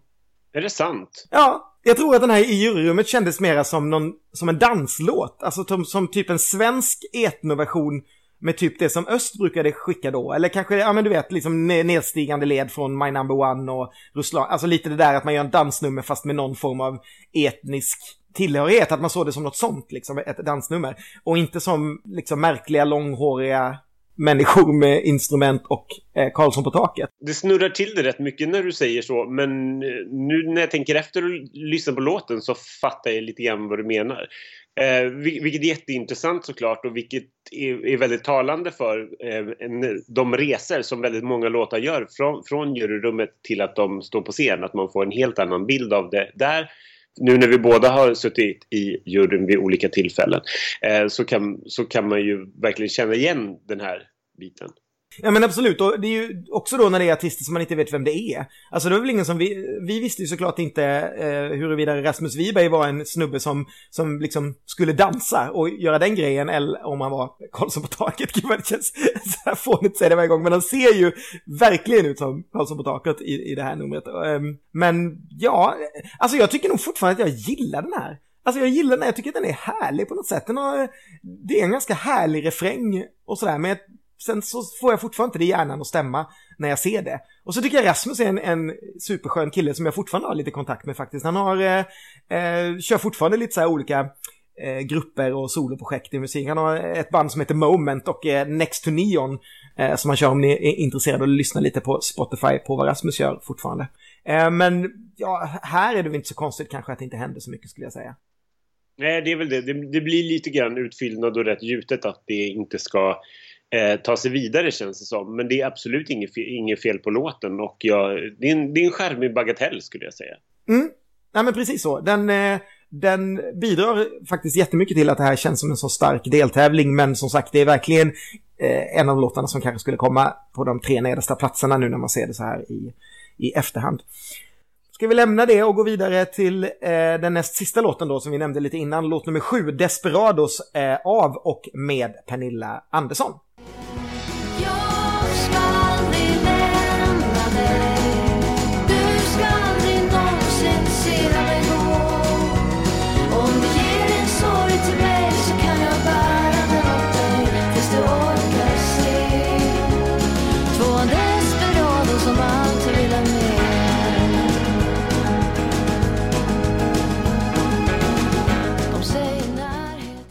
Nej, det, här, det här är så här... Eh, ah, jag vill, jag vill sortera in den här i liksom så här Lisa Miskovsky. Nu, nu svär jag säkert i kyrkan för väldigt många. Men för mig är det liksom så här... Eh, det här är musik som är så här fint och det är bra och det är liksom... Men det berör inte mig någonting och jag blir, jag blir bara irriterad över att det tar sig vidare på något sätt. För det fyller liksom... Det fyller ingen funktion och anledningen till att jag nämnde Lise Miskovsky var att jag fick... Nu tycker jag att hennes, Lise Miskovskys låt är bättre idag än vad jag tyckte då. Men för mig sorteras det in där att det är, så här, det är duktiga, bra sångerskor som alla gillar och så går det vidare för att det är fint och rimligt liksom. Men jag tycker bara att det berör mig liksom ingenting. Jag tycker bara att det är lite så här... oh, tråkigt. Jag skriver under på varenda ord du säger förutom Lisa Miskovsky. Kopplingen såklart. Men tror det komma på en så kvinnlig duktig sångerska som, som liksom har en karriär utanför det här och som, som går till... Nej. Som går bra liksom. Nej, nej, men det, det är väl lite så. Och det är ju det är väldigt så här, ja men det är fint och det är lite så här Winnerbäck fast tjej. Eh, så jag fattar ju vad, vad liksom Sverige såg i den och varför den fick så mycket poäng. Men för mig är det, precis som du säger, för mig är det här nog, jag skulle säga att det är en sjunde plats i den här semin. Eh, personligen vad gäller låtarna. Det är, det är så här snyggt, men jag tycker också att det är så meningslöst. Så man vet på något sätt att det här inte kommer att komma till final och att det kommer stanna i andra chansen. Eller det är liksom Ja. en sån låt som kommer till andra chansen och sen stannar där på något sätt. Ja. Nej, jag har inte så my- mycket mer att säga om Pernilla Andersson eh, faktiskt. Och eh, det, här, det här bara på, pålar förbi på något sätt. Och så här, att hon var med 2016, det har också så här, pålat mig förbi också. Det är så här, jag kommer inte ihåg ens vad, hur låten gick som hon var med med senare. Nej, exakt samma för mig. Det, det, var, det var precis det jag tänkte på när jag hörde det också. Att, ja, just det, hon var ju med senare sen. Och jag, jag kan inte för mitt liv säga vad låten heter. Jag visste inte. 16 säger du, jag säga okej. Jag hade ingen aning, jag skulle inte kunna placera in den om det var liksom 14, 15, 16. Liksom. Det, Då, då, kan jag, då kan jag tala om för dig att låten hette Mitt guld. Mhm. Ja, rimligt. Eh, mm. Visst, Ja. visst, visst säger jag. Eh, 16 dessutom, då borde jag ju faktiskt suttit i juryrummet och varit med och eh, plockat ut den. Så att där ser du. Så, så bra satte sig den och så mycket satte sig jurylåtarna eh, senare under de åren jag var med. Nej, eh, jag tycker vi går vidare till... Eh, bara, får jag bara säga en, en sista grej om Pernilla Andersson? Eh, det är att hon, hon kallas för Nisse. Ja, jaha. Ja, det tycker jag var jätteroligt att hon, kallar, att hon kallas för Nisse. För det, det, kan ju, det, kan ju, det kan ju misstas. Det är inte lätt att förstå att hon ska kallas för, för Nisse. Nej. Jag vill, jag vill bara säga det. Jag Lyssnar man på den här podden så får man verkligen veta de absolut bästa fakta.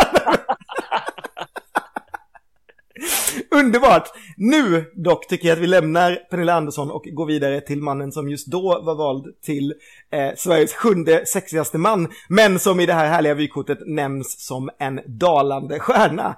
Eh, jag pratar tydligen om eh, Danny Saucedo med låten In the Club skriven av Figge Boström, Peter Boström och Danny Saucedo själv.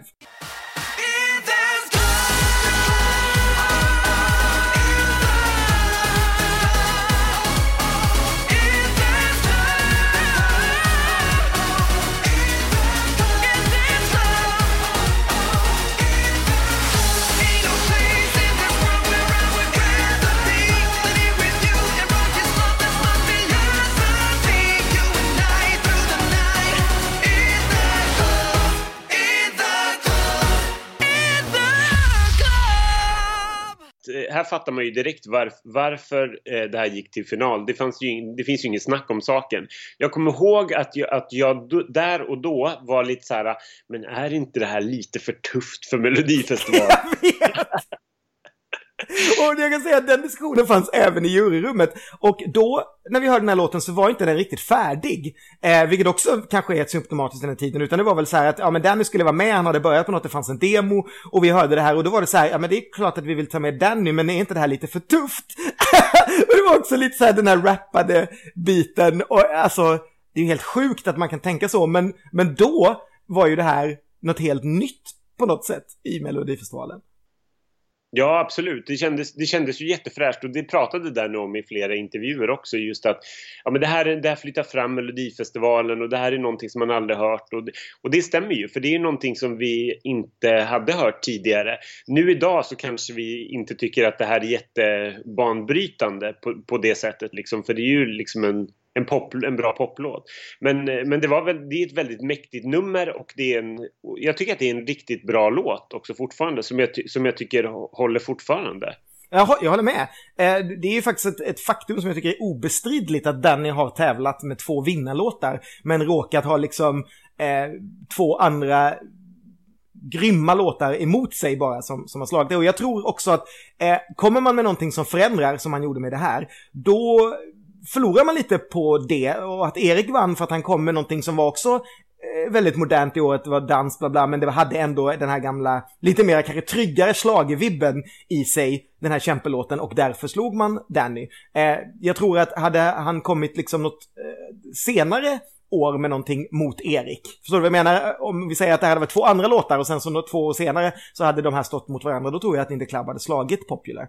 Men, men eh, det är inte, det är ganska lätt tycker jag att se varför det här eh, gick så i år. Ehm, eh, och likadant sen året efter är ju ingenting att, att diskutera, men Amazing är också en, en fantastisk låt. Sen måste jag säga att jag håller kanske inte riktigt med vår vän Hanna Fahl att numret inte har hållit. Visst den här pappgrejen eh, i början med dörren som öppnas kanske ser lite billig ut, men grejen att den öppnas och kan gå mot publiken känns ju fortfarande, alltså visst det används några gånger men det känns ju svinsmart och superfräscht tycker jag. Att öppna upp det och sen liksom har man hela arenan framför sig och fortfarande måste jag säga, och visst, eh, jag kan säga man, man kanske, jag kanske är lite partisk här, men jag tycker fortfarande det här är ett av de snyggaste och mest välkoreograferade dansnumren vi har sett. De är så otroligt i synk. Plus att det då dyker upp två stycken människor för första gången, för mig i alla fall, i det här numret som ju skulle få en hyfsat eh, stor betydelse för eh, oss och mig och Melodifestivalen och Eurovision. Eh, nämligen Sasha Jean Baptiste som dansar bakom och eh, inte minst då Edin Yusuframic som, ja, typ. som vi inte hade sett innan det här hände. Nej, Jag, jag, jag håller helt med. Det är verkligen, det syns att det är någon annan som har koreograferat det. Eh, koreografin eh, kommer ju från Nick Bass som hade jobbat med Britney och Beyoncé tidigare. Eh, och han hade hyrts in då på Dannys eh, önskan eh, att koreografera det här numret. Så han var i Sverige två dagar i januari för att liksom och fick fria händer och sätta ihop en koreografi för det här numret och sen har väl det längs vägen utformats i, i samråd och i, liksom, tillsammans med de andra dansarna. Eh, men det är otroligt häftigt, otroligt snyggt och jag gillar också att det kommer in dansare, eh, jag gillar alltid greppet när det kommer in dansare under låten så att inte alla är med från början. Då tycker jag att det händer någonting. Jag tycker det blir väldigt spännande. Det är jättesnyggt att han börjar med de här två killarna liksom, och sen så kommer de två brudarna in och sen så kommer Edin in. Liksom.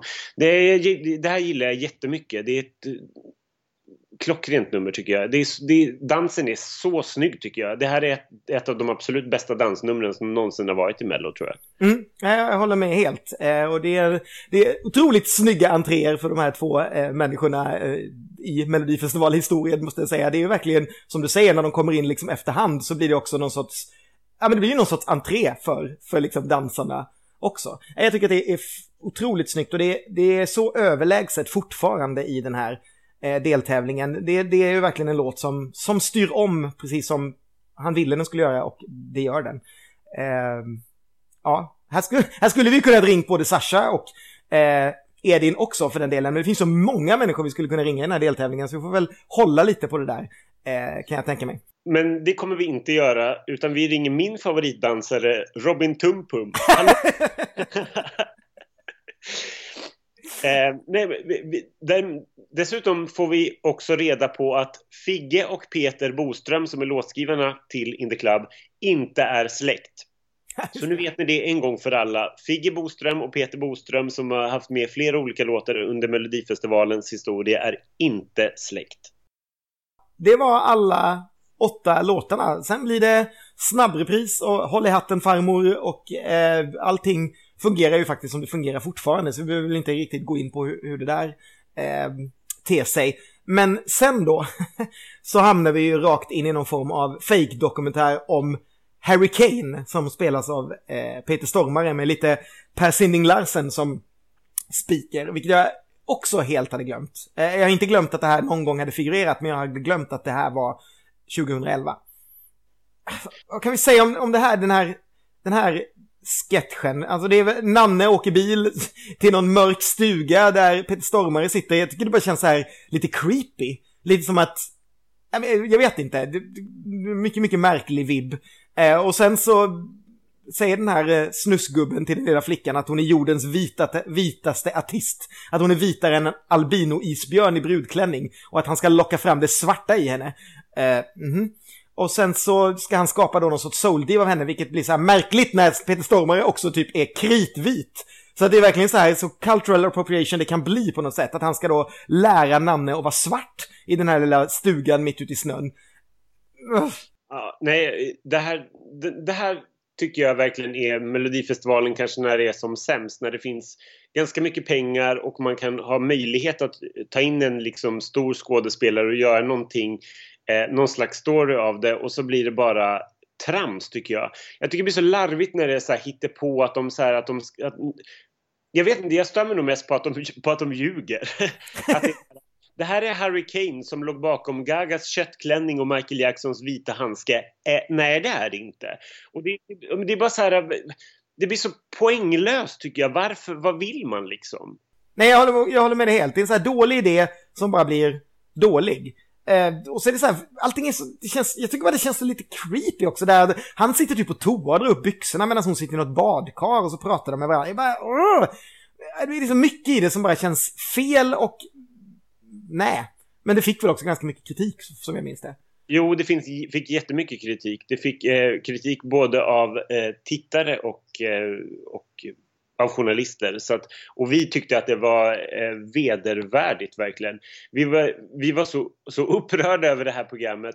Så rubriken på QX var Fantastiska låtar, kastprogram. Jag skrev inte orden. nej, men verkligen, nej men verkligen inte. Vi var, så- vi var så arga över, över det här och ehm, ja, nej. Det, det, det här var, det, det var skämskudde genom vartenda klipp tyckte vi om, om både det här och om vykorten och om Marie och Rickards manus. Så att nej.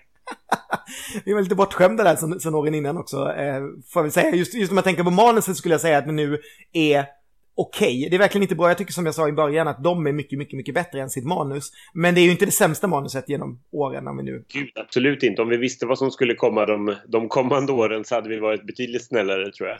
Absolut. Men efter den här sketchen då, Luleå och Sverige, vi har ett resultat. Eh, och då ropar man upp dem i den här ordningen. Swingfly, Le Kid, Pernilla Andersson. Känns inte det mycket konstigt att man börjar med de tre? Jo, jättekonstigt. Jag reagerade också på det. Det är jättemärkligt. För att, för att, som du sa innan så var Jenny Silver och Danny de stora favoriterna. Men då börjar Mm. man alltså med Le Kid, Pernilla Andersson, Jenny Silver och sen så Danny sist. Liksom, but, but why? Är det bara för att man vill stressa Danny? Han ser ju nämligen sjukt nervös ut eh, Mm. i det här klippet. Ja, det är så gjutet bara att nu ska gå vidare. Så att jag tycker det är så fruktansvärt poänglöst. Och det är ingenting som, som att man ville eh, boosta på något sätt hans siffror. För att det skulle visa sig att han gick ju direkt till final senare i alla fall. Så att det känns jättekonstigt. Alltså swing, både Swingfly, alla, alla de här tre i början. Främst Lekid hade man ju velat spara till sist då kanske. Mm. Ja men absolut. Eh, både Lekid och i viss mån liksom Swingfly måste ju varit så här, oj. Eh, ja, det känns jätte, jättekonstigt. Men i alla fall Danny blir ju sjukt glad och kramar en mycket ledsen Rasmus Wiberg som sitter bakom och eh, har åkt ut. Medan Dilba ser ungefär lika, lika nollställd ut när hon åkte ut som hon gjorde liksom genom hela, hela numret. Eh, och sen är det precis som du säger, direkt efteråt sen så skickar man en låt direkt till Globen, vilket jag hade glömt att man gjorde eh, det här året. Det hade man väl gjort förra året, eh, 2010 också, eller hur? Ja, precis. Eh, vilket jag fortfarande tycker är en lite märklig grej. Men, men inte helt förvånande då, så, så ropar man upp Danny igen. Eh, vilket är verkligen så här, jag vet inte om man vill göra någon form av berg och dalbana. Liksom att först visste han knappt om han hade gått vidare och sen plötsligt eh, så, eh, så är han i final. Men det finns... Här, här gör, gör ju SVT också ett litet misstag. För att när de andra artisterna eh, ropas upp att, att ha gått vidare, Swingfly, Le Kid, Pernilla Andersson och Jenny Silver, så, så ropas bara artistens namn upp och, in, och så får det applåder och jubel och hej och hå. Men när Dannys låt ropas upp som den femte och sista, då ropas först namnet upp och sen så sätter In the Club igång av, no, av något slags misstag och då är ju frågan här, för det här skrevs om i tidningarna dagen efter, att man redan där avslöjar att Danny är den låt som har, har gått vidare till final direkt. Mm. Att någon schabblar redan i det läget liksom. Ja, nej, men så, tror jag absolut det är. Eh, och det är ju lätt att bara liksom kanske svepa under under stolen och jag tror kanske inte mer än vi riktigt eh, inkörda i det här eh, märkte det. Men, eh, men absolut så tror jag nog det var. Alltså jag menar, det finns ju ingen anledning att spela den låten och inte de andra. Och speciellt inte som den liksom fem, ja, tre minuter senare ska spelas. När han då har gått vidare och traskar upp på scen. Sen tycker jag också att det, är lite, det blir lite konstigt hela det här sättet som man har satt eh, artisterna på. Att de har blivit hopklumpade på en väldigt liten yta där de ska sitta så nära varandra så att kamerorna har svårt att liksom hålla bilden på Jenny Silver utan att de två andra artisterna precis bredvid slaskar in i rutan liksom. Mm, det är så konstigt, det är som att man har gjort allting för att få den här stora bilden med allihopa på samtidigt. Så man tänker Mm. inte på att det är egentligen de små bilderna som, som blir det viktiga för oss som sitter hemma och tittar eh, på tvn. Sen tycker jag att det är kul att på något sätt så har det ju, har det ju tydligt satts en gräns här på att ni får, om ni inte är en grupp så får ni vara två så får ni vara, ta med någon i sådana fall. Eller så får ni sitta själva för det blir jättekonstigt där. Jenny Silver vä- väljer ju att sitta själv. Hon är stark nog att möta det här på solo. Däremot Dilba, hon får ta med sig en av de här stackars dansarna. ja, jag vet. Det är som att någon behöver stötta, alltså mer och mer känns ju Dilba som någon som liksom knappt var där mentalt. Som man liksom, eller hur? Det känns som att någon sitter och håller upp henne där liksom. Eh, Det är så konstigt hela den här grejen. Ja, från en konstig grej till en annan. För efter det här då att, där, att den har gått direkt till final så kommer vi tillbaka till den här stora gästen då som skulle dyka upp i stjärngästen som skulle ja men precis. Eh, och jag måste säga då att det, det sjuka är att Danny sjunger sin låt, blir intervjuad av ehm, eh, Marie. Och det är jätte, jättefin intervju tycker jag, det är där, bla bla bla, och så lite så här, och så sjunger han. Eh, sen så nollställer man ju räkneverket då, man, man får inte räkna de rösterna man hade med sig, vilket jag kan tycka är lite konstigt. Man går in i andra delen och då har folk fyra minuter på sig under snabbreprisen eh, och, och rösta på det här. Vilket är liksom otroligt lite tid kan jag tycka eh, i jämförelse. För sen när då det här numret börjar, som vi nu ska prata om, så eh, då, då är röstningen redan avslutad liksom. Gud, det är ju väldigt snabbt. Ja, vad ska vi säga? vad ska vi säga om den här mellannacken då? Eh, Nanne som gör I have nothing med och kallar sig för Nanne Soulwall istället, fast hon då fortfarande är vitare än en albino isbjörn i brudklänning. Ja, vad ska man säga om det här? Det, det jag kan säga är att jag för första gången någonsin hörde orden som, som sjungs i den här låten. För att jag har alltid tyckt att... Jag har aldrig uppfattat riktigt vad, vad Whitney sjunger. Det här är ingen stor Whitney-favorit för mig. Men för första gången hörde jag vad, hon, vad orden är för någonting. Men det handlar nog mest om att Nanne har ett väldigt dåligt engelskt uttal. ja, precis. Where you must follow. Så jag vet inte om Harry Kane lyckades att göra en, en stor soul-diva av Nanne Grönvall. Nej, jag vet inte. Och sen så är det på något sätt att hela grejen var ju det att då skulle hon få göra något så här allvarligt eh, soul-nummer, det var ju liksom själva idén. Men då måste man ändå släppa in en påfågel mitt under numret som hon ska liksom vifta ut. För att man hade någon grej i den här sketchen innan att det var alltså en påfågel på hennes Raider. Vilket är så här, jaha, för då blir det ju plötsligt ett skämt i det här då som skulle vara ett seriöst nummer med namnet som ni aldrig sett henne tidigare. Så det, jag tycker det är så märkligt alltihopa. Det är lite som att man insåg när man väl kom dit att det här blir ju bara dötråkigt. Så att vi måste göra någonting. Ja, jättekonstigt. Nej, inte jättekul. Eh, jag tycker vi nämna, lämnar Nanne och eh, hoppar vidare till någonting betydligt roligare. För, för sen händer det grejer. Ja, sen händer ju det som vi pratade om lite innan. För nu ska ju en ut, två ska till andra chansen och en ska till final. Eh, och det har ju hänt massa mycket om vi tittar på siffrorna. Vi har ju ingen omröstning egentligen att prata om, men vi har ju alla siffror nu efteråt. Och då kan man ju säga att det händer ju en del saker mellan omgång ett, där ju Danny är fullständigt överlägsen med sina dryga 60 000 röster eh, i jämförelse med eh, med tvåan som i, i den omgången är Pernilla Andersson faktiskt i första omgången som ligger någonstans runt 27 000. Ja, precis. Hon hade ungefär 800 fler röster än Jenny Silver som då var på en tredje plats. Och sen på en fjärde plats hade vi Swingfly.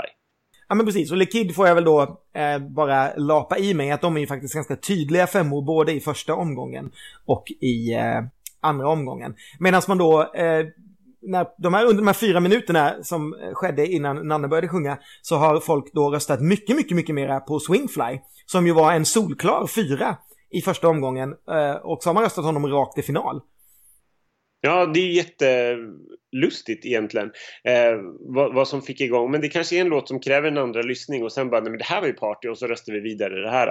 Eh, för då går ju han direkt till final då med sina dryga 42 000 eh, röster jämfört med Jenny Silver som då är trea på 37 000 och Pernilla Andersson som, eh, som ökar väldigt lite eh, och bara har 30 000. Så Pernilla blir fyra då, Jenny trea och Swingfly går till final. Kan det här liksom bero på att i första omgången de som gillar Pernilla Andersson-låten, bevisligen inte du och jag, eh, att det är ungefär exakt samma människor som håller kvar vid den när vi kommer till en andra omgång och det är nästan exakt samma människor som röstar på den. Medan alla Dannys röstare, som ändå kanske fortfarande vill rösta lite, de måste ju välja en ny låt och på något mm. sätt då delar upp sig och lägger sig mycket, mycket mera på Swingfly som de tycker är liksom party och mera den låten de vill ha. Och i viss mån då Jenny Silver. Absolut, absolut. Så tror jag definitivt att det är. Vi måste säga att Lekid, de får ju nästan på, på siffran exakt samma eh, mellan båda. 16 512, 16 459. de är de enda som tappar. De tappar ungefär 60 röster. Ja, men precis. Mitt, men jag hade väl slut på pengar på mitt kontokort. Ja, eh, men, men det om resultatet. Men vad ska vi säga om det här andra som inträffar då? Där, eh, där först man, man, redovisar ju det här på ett lite speciellt sätt för nu har vi ju fått Danny i final redan. Och då börjar man då genom att visa den som går till eh, andra chansen och den som åker ut direkt. Så att vi får, någon lämnar tävlingen och det här gör ju då att det blir en vinst att komma till andra chansen och sen, och någon får ju såklart lämna. Vad, vad tycker du om det? Jag vet, för det blir väldigt konstigt för jag menar, dels blir det ju så här i den första då när man visade så här, här ska en ut, här har en gått andra chansen. Då vet man ju direkt automatiskt, okej okay, de andra två låtarna är vidare, så de två artisterna kan eller ja, nu vet man ju inte det just här då eftersom LeKid sen då flyttas från den eh, vidare gruppen och in i det här eftersom man har gjort fel. Men, men på det sättet så det blir lite konstigt för man, då, då hinner man tänka lite på det. Plus att som du säger, här blir det en vinst att gå till andra chansen. Medan det fem sekunder senare sen blir en förlust att gå till andra chansen. Vilket blir väldigt konstigt för då är det en som går till andra chansen som vinnare och en som går till andra chansen som förlorare på något sätt. Jag tycker att det är, det, det är lite, jag är, nog, jag är nog mycket mer nöjd med som man gör idag. Jag tycker att det här är lite konstigt. eh, alltihopa. Och eh, jag tycker också att det är väldigt konstigt att det redan att Danny har gått vidare så att det är så tydligt vilket som var favoriten. Så att när vi kommer till finalen har man liksom fyra favoriter. Jag tycker fortfarande det är väldigt konstigt och resten det blir någon sorts andra chansen i finalen också. Eh, Jag, jag, jag håller med. Jag, det jag tycker var kul med det här är väl just att, att det, blir, det blir inte alls lika tydligt. För de, de senaste åren har det ju varit väldigt tydligt just det här med så här, vem som kommer ett och vem som kommer femma tycker jag. Eller vem, vem som går till final och vem som kommer femma. Alltså, det, det är inte speciellt spännande när det är liksom Ida Redig mot Liamo. Nej, Ty- nej det är sant. Mm. Eh, så att, det, det tycker jag är lite grann att man förlorar lite grann på det. Men, eh, men ah, det finns för och nackdelar med båda, med båda sätten tycker jag. Eh, men det här, gjorde, det här misstaget då som sker när Pernilla Andersson får möta Jenny Silver och sen så visar det sig att det är Jen- eh, Lekid som ska möta Pernilla Andersson egentligen och att Lekid åker ut.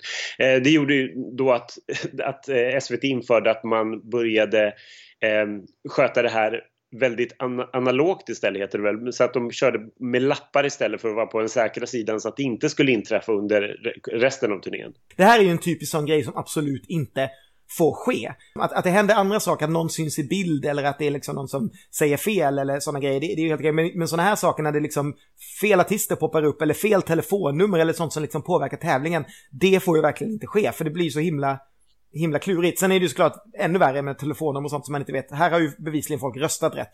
Det är ju bara presentationen som, som är kass. Men det är, ja, det, det blev ju en, en extra eh, känslomässig berg för den här mannen eh, i alla fall. Ja men verkligen. Ehm, och inte bara för dig utan för, för programledarna. Ehm, Ja, absolut. Man hör ju faktiskt Marie, eh, eh, när Swingflies musik drar igång så hör man att ingen har stängt av en arg Maries mikrofon som skriker Vad hände där?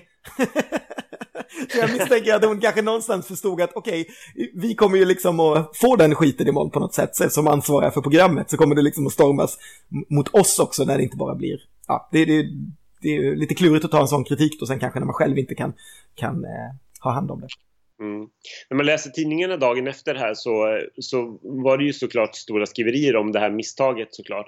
Och, eh, och på något sätt så blir det så här klassiskt att sven, svenska folket ska såga och tycka illa om det här. För det vi har upplevt har ju varit en ganska bra deltävling. Vi tycker att det är bra låtar, vi tycker att både Rickard och Marie sköter sig bra. Manuset är helt rimligt liksom. Det, det är Harry Kane som drar lite solk över det här men så hemskt är det ju inte. Det är bara väldigt menlöst liksom. Men Aftonblad, Aftonbladets läsare så gav ändå 42,3 procent ett stort minus till det här och tyckte att det var uselt. Men det är så klassiskt just den här att svenska folket alltid ska tycka att Melodifestivalen är skit efter första deltävlingen. Ja, verkligen. Och låtarna är alltid, alltid sämre än året innan. Bara för att man på något sätt inte fattar att man har hört de där låtarna till döddagar. Ja, men ska vi avsluta det här lite av och rangordna vår topp tre som vi brukar göra? Med, med viss risk för att det kanske blir hyfsat lika i alla fall. Ska jag börja? Eh, Ja, men In the Club. Eh, överlägsen etta när jag såg om det. Jag tycker att det här är en jättebra låt som jag fortfarande bara kan smälla på och lyssna på.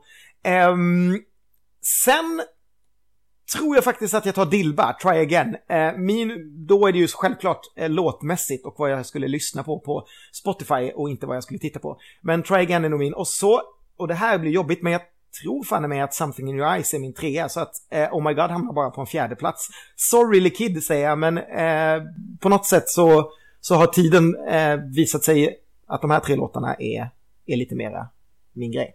Jag sätter ju såklart Jenny Silvers Something in your eyes etta. Det är fortfarande en fantastisk låt. Jag älskar den så mycket. Sen sätter jag Swingfly som eh, tvåa. Den tycker jag eh, håller väldigt, väldigt bra. Och sen såklart Dilba på en tredje plats. Ehm, och den, ja, nej men det är bra. Danny får komma fyra för mig. Jag tycker att det är en, det är en riktigt bra låt men personligen så tycker jag att de andra tre låtarna är härligare.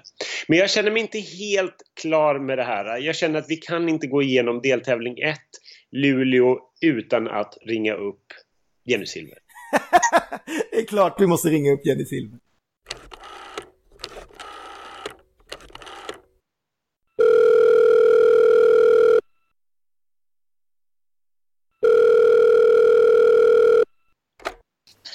Hallå det är Jenny. Hallå Jenny Silver! Ja, men hej! Vi kastar oss över godsakerna på en gång. Jag måste börja med att fråga, hur kom Something in your eyes till dig? Ja, hur kom den till mig egentligen? Eh, Ja, det, var, det var så enkelt som att eh, den kom per mail. Och eh, då var det väl, ja men precis, jag fick den ifrån Camilla Bjering på Warner. Som undrade om det här kunde vara någonting för mig. Jag hade ju tävlat året innan Mm. med, med en eh, liten eh, speciell sak som hette eh, A Place to Stay, minimalistisk pop. Och så skrev hon till mig, det här är ju någonting som är helt eh, åt andra hållet. Det här är liksom slager och eh, glädje och ja, skulle Mm. du tycka att det, eh, att det kan vara roligt. Och så lyssnade jag på den och tyckte att absolut, det kan vi definitivt göra någonting eh, jättehärligt och smaskigt av. Mm. Lät den som den gjorde då när du fick den eller blev, den liksom, blev det stor skillnad längs vägen? Mm, eh, den lät väl inte riktigt så utan eh, alltså det var ju en demo. Så att man fick väl, jag fick väl ha lite fantasi för, för att liksom eh, föreställa mig exakt hur smaskigt det skulle kunna bli. Men vi, alltså det lät ju bra om det. Det var ju Charlotte Perrelli som hade sjungit in den. Är det sant? Eh. Ja, det, eh, så den var ju tänkt för henne först men hon refuserade den. Okej. och eh, ty, tyckte inte att det passade hennes stil.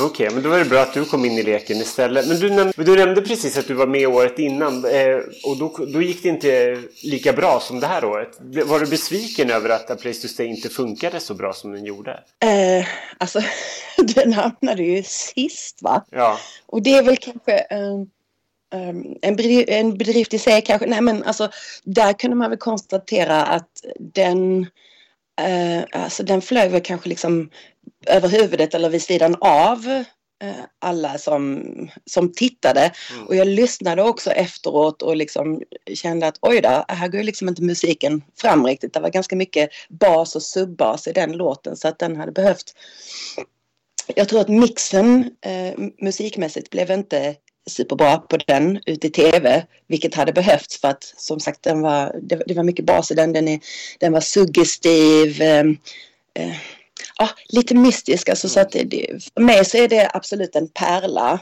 mm. till låt, men jag tror att det kanske blev lite för liksom, lite, lite för off i, i det här sammanhanget.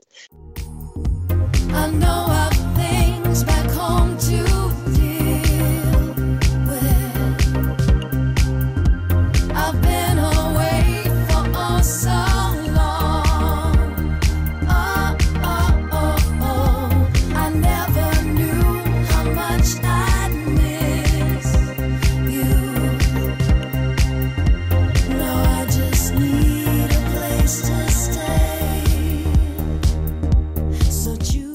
vi ville göra någonting som var vackert och lite mystiskt eh, den gången. Um, och och det, det, liksom, det, det framgick inte riktigt på... Det, ja, resultatet blev inte riktigt så som vi hade tänkt oss. Nej, jag fattar. När det gäller numret till Something You Know Rise så jobbade ju du med Rickard Engfors. Hur var det och hur gick tankarna kring, kring numret? Vad ville ni förmedla? Alltså det vi ville, eh, vi ville ju liksom eh, göra en riktig smällkaramell. Eh, verkligen. Så att eh, Rickard, eh, han var, han var liksom med redan från början i diskussionerna att eh, vi ska ha liksom någon som förstår sig på det här med show och glamour och som, eh, som gillar schlager och som kan liksom eh, som kan förmedla den glädjen. Mm. Eh, och liksom, ja men vi ville ha, eh, det skulle vara glitter och glädje liksom. Mm. Vem kom på det här med ögonrörelsen? För den har man ju sett upprepas på många dansgolv efter det här. ja. Ja men alltså det är också lite så här klassisk eh, schlager, klassiskt schlagerknep, alltså att ha någon slags eh, eh, gimmick eller eh, eller just en, en rörelse som man kan göra till. För det är ju det är också liksom en, en liten knorr i sig, alltså en liten eh, som, som man kan känna igen Mm. låten. Ah, det är den låten, ja just det. Och så, ja men du vet, Diggiloo Diggiley, alltså. Där är också en handrörelse till exempel. Och, Mm. Du, du var ju du var favorittippad av tidningarna. Både, både Expressen och Aftonbladet tippade dig till final tillsammans med Danny. Men, men du gick till andra chansen. Var det en besvikelse eller, och hade du koll på liksom hur snacket gick innan? Eller hur kände du när du gick till andra chansen? Alltså jag eh, läser inte tidningar. Mm. Eller jag försöker undvika tidningar därför att alltså för, och speciellt inte förhands, nej och egentligen ännu kanske mindre efteråt. det är lite så här, du vet man gör en, man gör en konsert så bara jaha och så får vi läsa imorgon hur det, hur det var liksom. Mm. Eh, för att, och många gånger så har man ju själv en känsla över eh, ja, men vad man har gjort och, och liksom hur man tycker att det har gått och sen så kanske någon annan har en annan känsla. Och det viktigaste är ju ändå att har, har, jag, liksom, har jag gjort vad jag, vad jag kan, vad jag liksom eh, bestäm, eller vad jag ville göra. Mm. Sen kan man inte göra så mycket mer. Sen kanske liksom se- sen hur det uppfattas, ja, då kanske man, om det uppfattas på ett helt annat sätt, då kanske man måste fundera över eh, sitt uttryck eller liksom, aha, vad var, det vi, vad var det det gick fel i kommunikationen? Mm. Men, men om det inte har med något sånt att göra, då är det ju liksom, då är det bara att köra och så, så får man ju liksom... Nej, så att besviken var jag inte, utan jag tvärtom. Det är ju egentligen optimalt, tänker jag, att eh, vara med i en deltävling, komma till andra chansen. Fast där ska man helst gå vidare då såklart. Precis. Så att, och det- det hade ju varit fantastiskt. Så att eh, deltävling, andra chansen och final. Mm. Eh, Du, mötte ju, du fick ju möta Love Generation i eh, andra chansen vilket var, lite, vilket var en väldigt tuff utmaning skulle jag vilja säga. Det var ju lite grann dödens grupp där på den sidan av, eh, av spelplanen. Ja, det var ju typ en jättetuff utmaning eftersom att de, they killed me. Men det var ändå inte, det var ändå inte så mycket, många röster som skilde så du gav dem en rejäl match i alla fall. Ja, jo, men det var väl så. Alltså, det är ju alltid svårt när man ställer låtar i olika genrer mot varandra på det sättet. Därför att alltså, var för sig så hade kanske egentligen våra låtar platsat båda två. Mm. Om, alltså, och vilket då kanske på sätt och vis skulle bevisas. Om det är superjämnt så kan man ju egentligen säga okej, det skilde två röster men det är egentligen lika många röster. Eftersom att det inte är, är det en överväldigande majoritet, ja då får man ju ändå säga att ja, då var det väl så att då var liksom, den här låten var bättre.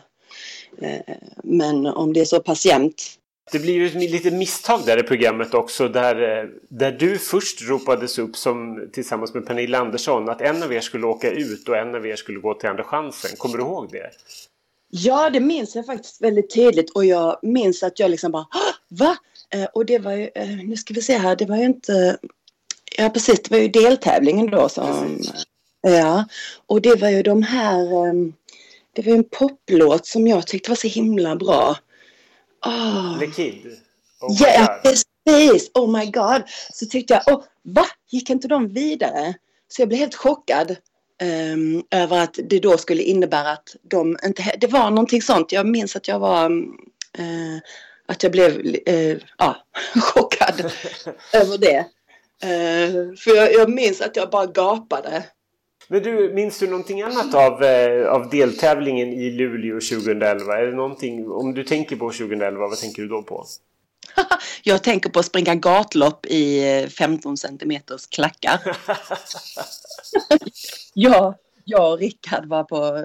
Det fanns ju, det fanns ju en liten klubb där i, i stan som vi, eh, som vi gästade på, på kvällen efter, ehm, efter tv-sändningen. Ja, vad var det för någonting? Jag läste någonting i tidningen om det, att ni hade gått vidare till någon klubb. Vad var det för något? Ja, precis. Men det fanns en liten, en, en liten klubb som låg i, i närheten av, av eh, SVTs eh, efterfest. Eh, och eh, nej, men då, eh, de, de, de frågade oss om vi kunde tänka oss att och, och, och komma över till deras, till deras lilla klubb och så tyckte vi att ja, men det ska vi väl såklart göra. Ett litet eget party. så vi smet dit och så gjorde vi så gjorde vi ett litet gästframträdande där och så sprang vi tillbaka igen. Ja, vad kul. Vad- Du, jag måste fråga, vad tycker du om eh, Something in your eyes idag? Ja, alltså jag tycker samma som då att det är en helt oemotståndlig eh, happy pill. Jag är jätteglad eh, för den låten och, och för hur fint för hur fint numret blev. Det var ju Jenny Widegren från ja, nu är hon ju sin egen, men då var hon ju liksom väldigt känd från Bounce. Eh, som gjorde snygg koreografi, jag hade snygga dansare, allting stämde. Rickard hade gjort ett eh, kanonbra nummer. Eh, jag tycker faktiskt att, eh, att eh, allting stämde där. Så att, eh, jag, är, jag är glad över den låten. Jag är glad att, att jag fick chansen att göra den och att den finns, den finns i mitt liv. Vad fint, Ja. vad roligt, vad kul att höra. Eh, Skulle du kunna tänka dig att vara med i Melodifestivalen igen? Eh, ja, det skulle, jag, det skulle jag absolut kunna tänka mig. Mm. Frågan är bara, alltså mitt problem har väl alltid varit att jag är ju liksom en musikälskare. Mm. Så att jag har liksom inte någon... Ehm, och det kan, man ju, det kan man ju för all del vara även om man skulle välja inriktning. Men för mig så har det varit så himla svårt att liksom, aha, då ska jag satsa på den här typen, alltså den här stilen eller det, alltså. Eh, och jag ska säga, alltså det, det jag har gjort musikaliskt de senaste åren. Eh, Alltså jag skriver ju låtar eh, och, och så nu för tiden Mm. själv och gör det på svenska och känner att ja, det alltså ehm, som jag sa tidigare så jag är liksom eh, jag är eh, ja vad ska man säga jag drömde aldrig om att bli artist Okej. kan jag säga så att för mig så är inte och, och jag behöver inte jobba som artist heller utan för mig är musiken eh, det viktigaste. Kan jag göra någonting roligt av det här? Kan jag ha roligt? Mm. Kan jag förmedla någonting som blir eh, kul för andra att lyssna på? Ja, om, om, om svaret är ja, Mm. så då kör vi liksom. Eh, Så tycker jag, så behöver man förhålla sig till livet för då har man ju så mycket roligare. Mm. Och, Mm. Ja, men bra inställning tycker jag. Låter, låter helt rimligt. Du, tack så jättemycket för att du tog dig tid att eh, snacka lite grann. Jättekul att höra. Superspännande verkligen. ja, lite behind the scenes. Ja, verkligen. Lite, lite, extra, lite extra skvaller. Eh, Ja. Så ja, men tack så jättemycket och eh, så hoppas jag att vi ses, springer på varandra någon gång framöver. Ja, men detsamma, detsamma. Det kanske blir någon, någon schlagerrunda till. Ja, det vet man Ja. aldrig. Om vi blir gamla nog. Precis. ha det så jättefint Jenny. Ja, du med, tack. Hej. Hej, hej. Jenny, en tvättäkta favorit. Alltid lika välkommen tillbaka till Melodifestivalen. Ja, jag kan bara skriva under på det. Det är faktiskt härligt. Gud, eh, underbart och eh, trevligt och eh, en bra låt fortfarande. Ehm, ja, är det, då är det väl bara dags att lägga på eh, locket för den här gången. Eh, säga tack så hemskt mycket alla ni som har lyssnat och fortfarande uppmanar vi er såklart att sprida eh, den här podden till alla ni tror eh, skulle gilla den och eh, lyssna tillbaka på de avsnitt vi har gjort den här säsongen. Eh, tack så mycket för att ni lyssnade idag. Puss och kram. Hej då! Hej då!